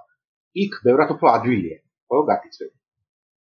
მაგრამ კიდე სხვა მიზეზი რატო შეიძლება იყოს იმისი, რა შეიძლება იყოს იმისი, რომ თქვა აი მომსახურების სფერო, რომელიც ერთ-ერთი ყველაზე ესეთი ყველაზე დაჩაგრულ მდგომარეობაში ადამიანები სადაც არიან, ხო? მომსახურების სფერო. აი აქ ჩვენ ამ ტიპის გაკეთებს რაც როგორ გონიათ ეს არ არის ასე პროფესიული მუშაობის პრინციპში არ არსებობის ასე რაც შეიძლება. კი, მგონია მე ვფიქრობ, რომ ცხადი არის სუსტი პროფკავშირული მოძრაობის შედეგი. ეს საქართველოსში რო პროფკავშირული მოძრაობა სუსტია ეს პრინციპში საკამათო საერთოდ არ არის. ქალაქებში რომ რომლებში ძირთადი სამუშაო ადგილები უკავშირდება ტურიზმს და მომსახურებას სუპერმარკეტებს და სასტუმროებს და ასე შემდეგ ხო? ну ბუნებრივი ისიც გვაქვს ხო? ბუნებრივი კი ლოგიკური წინაღობებიც არსებობს. ხო პირველ რიგში ძალიან მაღალი დენადობა გვაქვს, ანუ ადამიანი იწყებს მუშაობას, მაგრამ სამ თვეში უბრალოდ ვერ ახერხებს კვირაში 80-90 საათი იმუშაოს და მალევე ტოვებს სამუშაო ადგილს, ამიტომ დიდხანს არ ჩერდებიან მომსახურების სფეროში და თუ პროტესტს აქვს ადგილი, ჩვენი შრომის პოლიტიკა საშუალებას იძლევა, რომ როგორც კი გაფიცვაზე გავლენ, ადვილად ჩაანაცვლონ ისინი. დიდი კვალიფიკაცია, განსაკუთრებული კვალიფიკაცია მომსახურების სფეროში მუშაობას არ ჭირდება. ამიტომ აცნობიერებენ, რომ თან პროფკავშირული მოძრაობის არარსებობის პირობებში ეს ფაქტორები თანდათან უფრო წინ მოდის, ხო? მაგრამ ახსენდება თქვა მეტროს გაფიცვა, თბილისის მეტროს გაფიცვა, რომელიც პრინციპში ბოლო წლების ყველაზე წარმატებული გაფიცვა იყო, ხო? და ეს ერთადერთი გაფიცვა იყო, რომელიც, ну, ერთადერთი შეიძლება არა, მაგრამ ეს ძლიერი ძლიერი გაფიცვა, რომელსაც პროფკავშირი ხელმძღვანელობდა. მეტროს პროფკავშირი, რომელიც წლებიად ცდილობს, რომ ის სიკეთეები, რაც ქონდა 2007 წლამდე, დაიბრუნოს. ანუ ეს რაღაც ახალ ახალ რაღაცებს კი არ ითხოვს, ცდილობს, რომ ის სიკეთეები, რაც ქონდა 2007 წლამდე, აღადგინოს, ანუ აღდგენის პროცესი. აბსოლუტურად, ხო, ნახე ამ დეტალზე მინდა გამომახვილო ყურადღება, რომ ეს ეს ტრადიციული დასაქმების სფერო. ეს ეს ტრადიციული დასაქმების სფერო. ნახე, ესე იგი, რაღაცა ტიპის ბრძოლის ჟინიც და რაღაცა ტიპის პოლიტიკური ცნობიერებაც, ესე იგი, აი ამ ტრადიციული დასაქმების სფეროებში უფრო გვაქვს წარმოდგენილი, ვიდრე აი ამ მოწინავე სფეროებში, სადაც ერთად ახალგაზრდები არიან. იმიტომ რომ იქ არ შედის ეს რაღაცაერად პოლიტიკური ცნობიერება. იქ შედის მხოლოდ კორპორატიული ცნობიერება. მას ალტერნატივა არ აქვს. არ აქვს ალტერნატივა, იმიტომ რომ არ მიდის ასე ვთქვათ პროფესიული მუშა. მეც დავამატებდი აქ თუ შეიძლება, ანუ რატომ, ანუ გარდა ამ ტრადიციულობისა, კიდევ რატომ ხდება, რომ მაგალითად ესეთ დიდ ინდუსტრიულ საწარმოებში ან სტრატეგიულ საწარმოებში, იგივე რკინიგზაში, ხო? რკინიგზაში არაერთი გაფიცვის ტრადიცია გვახსოვს და შემთხვევა ეპიზოდი გვახსოვს ჩვენ. რატო ხდება, რომ აი აქ უფრო ხშირია გაფიცვა, ვიდრე ალბათ თქვენ უკვე გაეცით ჩემი აზრით ამ კითხვაზე ძალიან კარგი პასუხი, როდესაც ზოგადად მეშახტეების ისტორიულ პროტესტებზე საუბრობდით. და ეს არის თუ რა ძალა გააჩნია გაფიცვას თან ჩაიყოლოს სხვა ეკონომიკური ციკლების გაჩერება. ხო, ანუ ეს არის ალბათ თავარი გადამწყვეტი მიზეზი, ჩემი დაკვირვებით, რის გამოც აზრი და მნიშვნელობა და შესაძლებლობა აქვს და ალბათ მე დარწმუნებული ვარ, რომ თვითონ შრომელები ამას ძალიან კარგად გრძნობენ, ხო, აქ დასაქმებული ადამიანები რა გავლენა ექნება მათ გაფიცოს. ესე იგი, თუ მათი გაფ თუ რაღაც პარის 10 თანამშრომელი გაიფიცება ამ მაღაზიაში, ამას ხო არ ექნება რაღაცა დიდი გავლენა, იმიტომ რომ გვერდით სხვა მაღაზია არსებობს. და შესაბამისად არავის არ აინტერესებს მათი გაფიცვა და არანაირ მნიშვნელობა და არანაირ გავლენას არ მოახდენს. მაშინ როდესაც რკინიგზის გაფიცვა მაგალითად სერიოზულ ეკონომიკური პროცესების გაჩერების ჯაჭვებს გააჩენს და მათი შესაბამისად მათი მოლაპარაკების ძალაც და მათი გაფიცვის ძალაც უფრო მაღალი არის. და აი სწორედ ეს თანამედროვე ეგრეთ წოდებული პოსტკაპიტალისტური ეკონომიკა მაგიტომაც არის ესეთი საშიში და ესეთი მოუხელთებელი მშრომელების მიერ. რომ ამ პოსტკაპიტალისტურ ეკონომიკას ახლა და რატომ არის ეს პოსტკაპიტალი? პოსტკაპიტალისტური რატომ არის? კაპიტალიზმი დამთავრდა და იმიტომ? იმიტომ რომ აი ის ლიტერატურები რაც მე წამიკითხავს, არნიშნავს რომ კაპიტალიზმი დამთავრდა, არამედ დამთავრდა კაპიტალიზმის წარმოქმნელი ის სტრუქტურული და ეკონომიკური ფუნდამენტები, რაც ამ კაპიტალიზმს აქამდე არსებულ კაპიტალიზმს, ნეოლიბერალიზმამდე არსებულ კაპიტალიზმს მოშლიდა. გასაგებია, რომ 30-60 ანუ პოსტკაპიტალიზმი აქ გულისხმება რაღაც სხვა ტიპის უკვე საწარმო და ეკონომიკური პროცესები. აბსოლუტურად მაღალი დონე, აი პრეკარიზაცია და ასე შემდეგ, მშრომელთა პრეკარიზაცია. ასაპირველი აბსოლუტურად გასაგებია ეს და ისედაც ვიცით, რომ თქვა 50-60 ეხა კიდე უფრო მოკლე დროებში რაღაც ტიპის სტრუქტურულ გააწყობებს აკეთებს ხო კაპიტალი იმ წინააღმდეგობების შესაბამისად რაც რაც მას გზად შეხდება, მაგრამ პროფესიონალური მოძრაობა უნდა წარმოებდეს იმ პირობებში, რომელშიც მუშათა კლასი იმყოფება. ხო, მაგას ვერა უთქო ფეხი ამ. სიმართლე სტიმართლე თამედროვე პროფესიონალი უნდა მუშაობდეს ისე რომ მას რაღაცაერად არა აი ამ რაღაცა იმითი რომ როდესაც ხედავ რომ ტრადიციული გზები არ მუშაობს შენ უნდა წადო რაღაცა ბზოლის ახალი ტაქტიკების გამოგონება ხო შევსება, მათი გადახალისება და ასე შემდეგ. ზე თუ კაპიტალიზმი გადაეწყობა, ნიშნავს რომ პროფესიული ბრძოლა უნდა მოხდეს, იმიტომ რომ ის ძველს არის მიჩვეული, ну, მაშინ მოხდება რა საქმეა და ამის შედეგებს ყველა ერთად მოვიკით და ვიკით. აა მე აი ეს პოსტ კაპიტალიზმზე მინდა რა ვთქვა. მე პირიქით მსმენია თამუნა საქართველოსში, რომ საქართველოში კაპიტალიზმიც კი არ დამდგარა ჯერ, ხო? კი. პირიქით, ჩვენ ვართ რაღა ეს არის ფეოდალიზმი, ხშირად რაღაცა განსაკუთრებული განსაკუთრებული ბრაზით იტყვიან და ტყიბულის კაფიცვის დროსაც, როცა 2016 წელს, როცა ტყიბულელი მეშახტეები ლაპარაკობდნენ იმაზე, რომ გარედან კეტავენ სამუშაო თხის დამთავრებამდე და გარეთ გამოსვლის საშუალებას არ აძლევენ და ასე შემდეგ, მაშინ იყო ეგრო, რომ ეს ფეოდალიზმი. სინამდვილეში ეს რა თქმა უნდა არის ტყუილი, ის რომ ის რომ ქართული კაპიტალიზმი არ ემთხვევა კარგ ბჭყალებში, კარგ ევროპულ კაპიტალიზმს, ეს იმას არ ნიშნავს, რომ ეს კაპიტალიზმი არ არის. ეს აუცილებლად უნდა ვთქვა, ჩვენ არავინ არ დაგპირებია, არავინ არასდროს არ დაგპირებია, რომ პოსტსაბჭოთა კაპიტალიზმი იქნებოდა კარგი ევროპული მოთვინიერებული კეთილდღეობის სახელმწიფოს კაპიტალიზმი. აი გლობალურ დანაწილებაში კაპიტალისტური შრომის გლობალურ დანაწილებაში საქართველოს და მთლიანად პოსტსაბჭოთა სივრცეს შეხვდა ისეთი კაპიტალიზმი, როგორიც შეხვდა ერთი სიტყვით და და ეს არის სრულიად კანონზომიერი, ან ეს არის რა თქმა უნდა კანონზომიერი. მან გავუკარი ისეთ კაპიტალიზმს, როგორიც აქვს პრინციპში. ხო, და ჩვენ პრინციპში ვიმყოფებით ჩამოყალიბებული კაპიტალიზმის პირობებში. ხო, ბოთ ერთი ის არის, რომ აი გარდა იმისა რომ გარდა იმისა რომ ეს კაპიტალიზმი არ არის მოთვინიერებული, არ არის შერიგებული თავის თავთან, ხო? თქვათ როგორიც არსებობდა ევროპაში და მისი დასავლეთში, ესე რომ ვთქვათ და მისი ნარჩენები დღემდე გვხდება, ვთქვათ, ხო, ჩვენ ევროპის და ამერიკის კონტინენტზე, ხო? ეს და ამასთან ერთად ქართული კაპიტალიზმი აღმოჩნდა საოცრად უნიჭო. პრინციპში შეგვიძლია ესეც ვთქვათ, ხო? და საოცრად უნიჭო რო აღმოჩნდა ეს განსაკუთრებით ჩანს საქართველოს რეგიონებში, სადაც არსებობს ხო ტყიბულში, ხო? არსებობს თქვენ ლაპარაკობდით ტურიზმის ახალისებაზე ტყიბულში და ასე შემდეგ, ხო? აი ეს უგრძელესი საბაგირო და სხვა მიტოვებული განადგურებული ინფრასტრუქტურა, ხო? ანუ ქართული კაპიტალიზმი ვერც ხედავს აი ამ ნარჩენებზე როგორ არის შესაძლებელი ახალი საწარმოო სივრცეების გაჩნდა. მოგების მოგები ხო დამატებით ახალი მოგების ნახვა. ახალი მოგების ნახვა.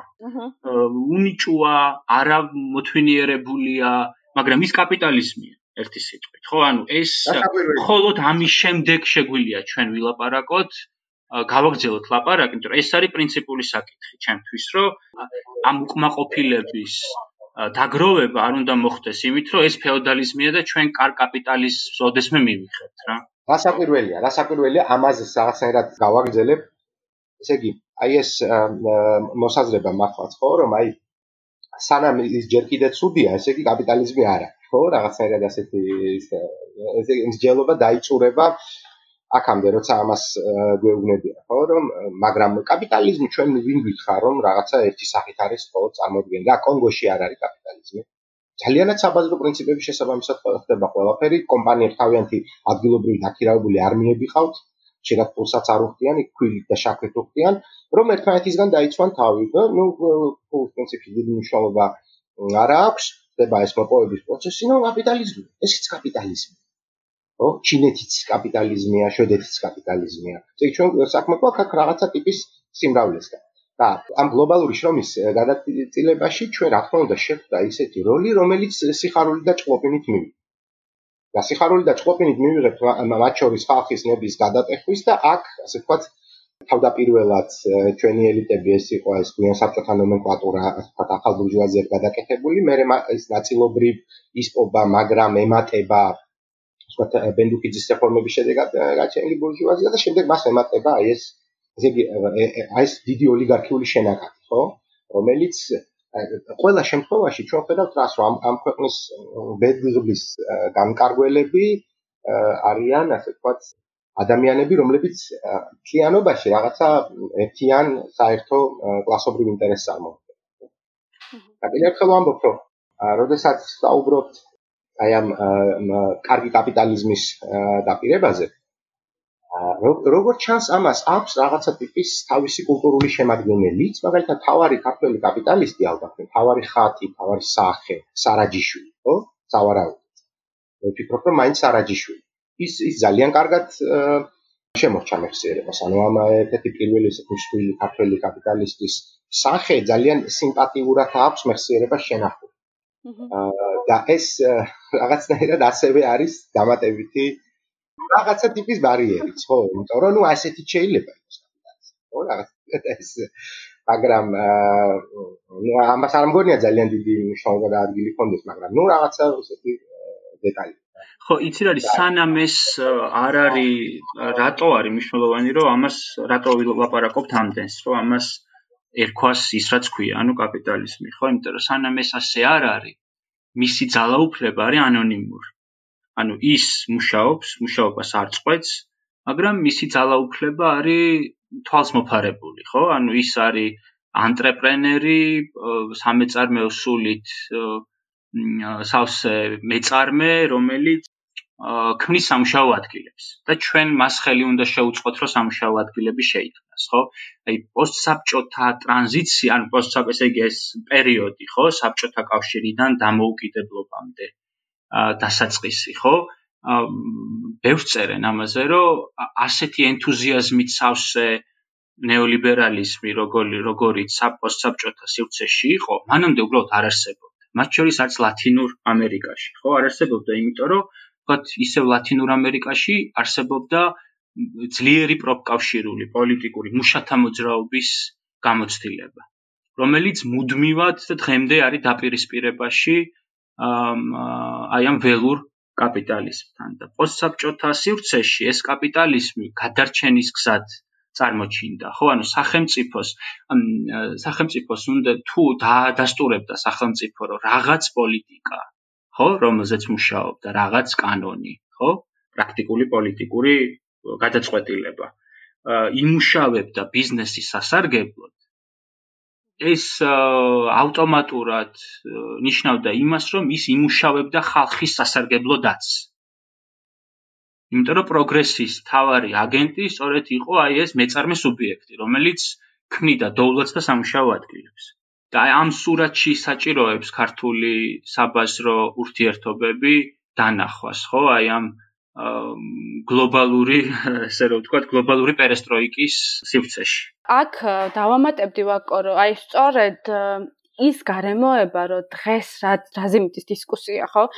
მიდის დისკუსიაში რომ მით უსაფრთხოებაზე, რაღაც ხელფასებზე, სოციალურ გარანტიებზე, რა ვიცი, იგივე შრომის ტემპზე და სიჩქარეზე, რასაც თავისი პოლიტ-ეკონომიური განზომილება გააჩნია, განსაკუთრებით მოპოვებით ინდუსტრიებში ხო რა ტემპით მოიპოვებ და რა სიჩქარით მოიპოვებ და ამოგაგშენ ქვანახშირი და ეს ტემპის აჩქარება განსაკუთრებით თვალსაჩინოა ხოლმე წლების გასვლასთან ერთად ხო რომ რაც უფრო მეტი და მეტი სურვილი არსებობს და ეს რაღაცა თანამ წიახსო გააჩნია თავისი ეს რაღაცა უკუ ეკონომიკური ეფექტი რაც უფრო ბევრს ამოიღებ მით უფრო ვარდება მისი ხარისხი ხო? ეს მახასიათებელიც გააჩნია სამთომოპოვებას და ეს განზომილებას. და რისი თქმა მითხრა რომ ყველა ეს საკითხი არ წარმოადგენს რაღაცნაირად ნეიტრალურ ტექნოკრატულ თემებს ხო ყველა ეს თემა, რაზეც დღეს ესეთი ბრძოლა მიდის, წარმოადგენს ესე იგი მშრომელების, კაპიტალისტების და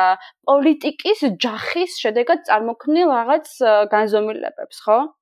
და ის თუ როგორი ტიპის ძალაუფლებრივი კონსტელაცია არსებობს აქ კაპიტალს, შრომას და მშრომელებს და პოლიტიკას შორის, სწორედ ეგეთი სახის კანონმდებლობები თუ საფრთხოების გარანტიები თუ ბრძოლის ველები არის გახსნილი ყველა მიმართულებით. და აი ეს ძალიან კარგად და შიშულად ჩანს ხოლმე და ყველაზე ხელშესახებად ჩანს ხოლმე სწორედ ტყიბულის მსგავს აი ამ ადგილებში სადაც რაღაცნაირად წარმოიქმნა სრულიად სხვა ტიპის ეკონომიკური და მოპოვებითი რეჟიმის პირობებში მას მოუწია გადმოსულიყო და შემოსულიყო ამ რაღაც კაპიტალისტური თავისუფალი ბაზრის მოცემულობაში და ის სრულიად დაუცველი და სრულიად ესე იგი ღია ფრონტი აღმოჩნდა მსგავსი ტიპის დაპირისპირებები. და აი აქ რაღაცა უკვე ბოლოსკენაც რო წავიყვანოთ ჩვენი საუბარი, იმიტომ რომ დროც უკვე რაღაცა 2 საათია საუბრობ და იმედია სმენელები შემოგხვდებიან მე როდესაც ეს ჩანაწერი დაიდება ბოლომდე. რაღაცა ეგეთ კითხვას დავსვავდი, რომ ჩვენ უკვე დავსახეთ რამოდენიმე საკითხი. რამ შეიძლება მოკლე ან გრძელვადიან პერსპექტივაში ისე მომავალს რო დაუბრუნდეთ. მოკლე ან გრძელვადიან პერსპექტივაში რაღაც მოცემულობა გადმოატრიალოს ან შემოატრიალოს და აქ ერთი აგაკოშენაზეც ისაუბრე იყო ეს რაღაცა კულტურული და სოციალური გაცვლის და აზროვნების ველების არარსებობა და სრულიად დაცლა ტრიბულის და ტრიბულის მსგავსი ქალაქების მსგავსი სივრცეებიდან და გიორგი შენაზეც ისაუბრე ეს იყო რაღაცა პროფკავშირების როლის მნიშვნელობაც, ხო? კიდევ რა შეიძლება აი აქ იყოს რაღაც ესეთი ხაზგასასმელი, ერთი ეს კითხვა მექნებოდა ეს დასასრულისთვის, კიდევ რა რა გვაფიქრდება, რაც მნიშვნელოვანი არის, როდესაც საუბრობთ რაღაც ტიპის ცვლილებებზე, ტყიბული შემთხვევაში, ეს ერთი კითხვა და მეორე კითხვა, რომელიც შეეხება აი ამ ბრძოლის ფრონტს, ხო? კაპიტალს, ეკონომიკას და პოლიტიკას შორის, უფრო უფრო სხვა სხვა ზედა მაკროდონეზე. აქ კიდე რა ტიპის შესაძლებლობები არსებობს ამ ბრძოლის და რაღაც სიმეტრიით, შრომელების მხარეს გადმოხდისთვის? თამუნა, მე მოკლედ კი პასუხებ ამ კითხვაზე. მე მგონია, რომ საჭირო არის ძლიერი მოძრაობა, რომელიც საკუთარ თავს მომავალში გარდაქმნის პირდაპირ ვთქვათ პარტიად. ა ძლიერი მოძრაობა, რომელიც თვითგამორკვევის პროცესში მშრომელებს და უმუშევართა დიდ არმიას არმიასთან ერთად ამ ჩაატარებს აი ამ თვითგამორკვევის პროცესს და რომელიც საკუთარ თავს გარდაქმნის პარტიად. ეს არის ის რაც რამაც მგონია რომ რასაც მგონია რომ შეუძლია აა წლების პერსპექტივაში ჩვენ ცვლილებები გვაჩვენოს. აა საპროტესტო ესე იგი წვეტილი საპროტესტო გამოსვლები აა შედეგს ვერ გვაჩვენებს რა.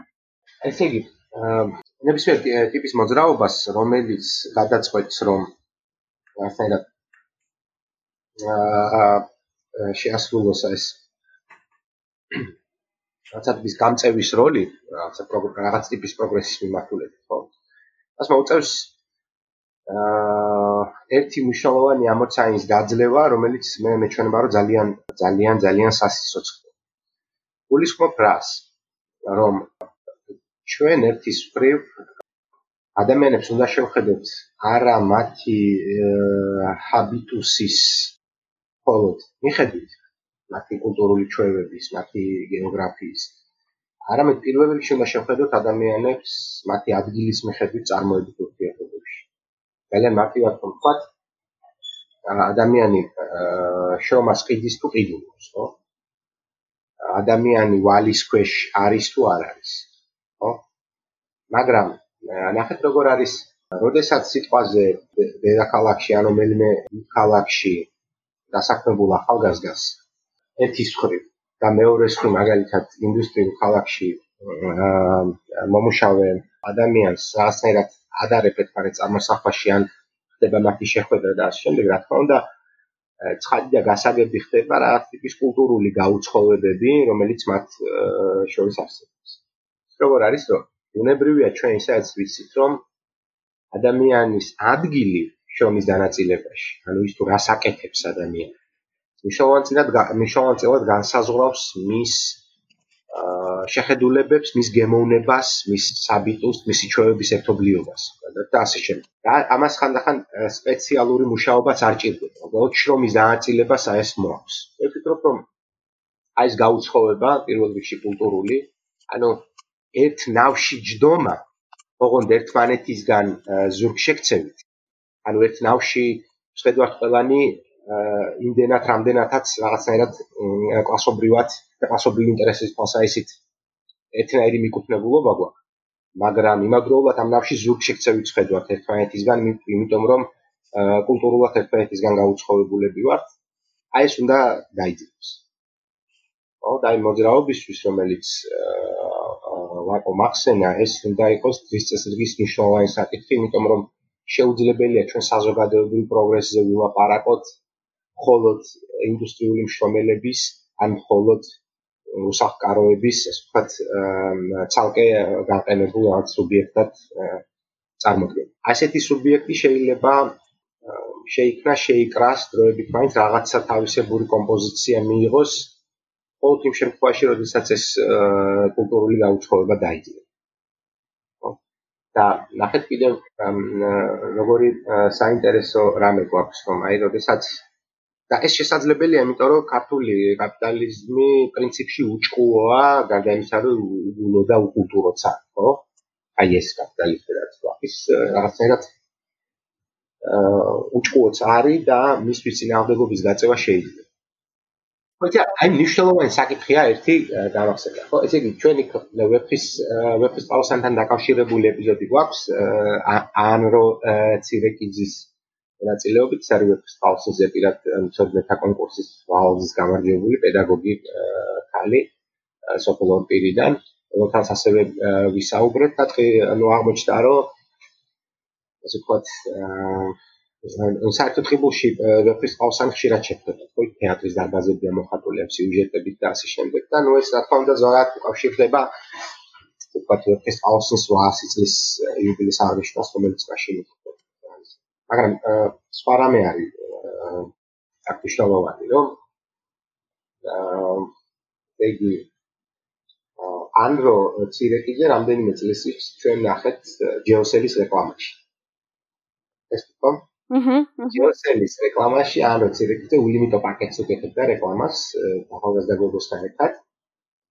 და რითი არის ხო საინტერესო? საინტერესოა ის რომ ეს კომპანია ხო რომელიც საკეთებს ხო იყენებს ანრო ცირეკიძის აი ამ რაღაც ცოდნას და ტრადიციას რომელიც საბჭოთა კავშირში რაღაცა კონკრეტული კულტურული პოლიტიკის შედეგი იყო, მაგრამ იმავდროულად თავის საჯარო პოზიციონირებაში, რა თქმა უნდა, ისინი ყოველთვის საუბრობენ რაღაცის ტოტალურ უარყოფას. ხო და რა თქმა უნდა, ეს მათვე აქცევს რაღაცნაირ მათვე აქცევს რაღაცნაირ სასაცილო მდგომარეობაში. სასაცილო მდგომარეობაში მაგალითად ასევე არიან ისინი, ვინც ახლა როგორი რაღაცა არის, რომლებიც მაგალითად ვეფხის ტყაოსნის დაზეპირებას დღეს იხსენებენ როგორც ტრავმატულ გამოცდილებას, ოღონდ უბრალოდ ტრავმატულს კი არა, აი რეპრესიულ გამოცდილებას, ხო? დაზეპირება თავად იხსენ რაღაცა ტიპის ახალი საზეპიროების ავტორები. ხო? ეს საზეპიროები არის თქვა ეკონომიკურ ნაწილში, რომ თავისუფალი ბაზარი გადაგვარჩენს, ინვესტორისთვის ყველაფერი უნდა გაუკეთოთ, გავაკეთოთ და ასე შემდეგ და ასე შემდეგ, ხო? დაბალი, ასე ვთქვათ, დაბალი გაასახადები კულტურულ ნაწილში ძირითადად ეს საზეპიროები რაღაცა აგზავნითი ხასიათის არის, ხო? იქ რაღაცა არა რაღაცას, არა იმას, არა ამას ძირს ეს ძირს ის, ხო? რაღაცა ესეთი ესე იგი როგორი საზეპიროები გაკეთებული კაპიტალიზმი გვაქვს, ისეთი გვაქვს პრინციპში მისი კულტურული პროგრამა. დიდი მადლობა. ძალიან საინტერესო იყო.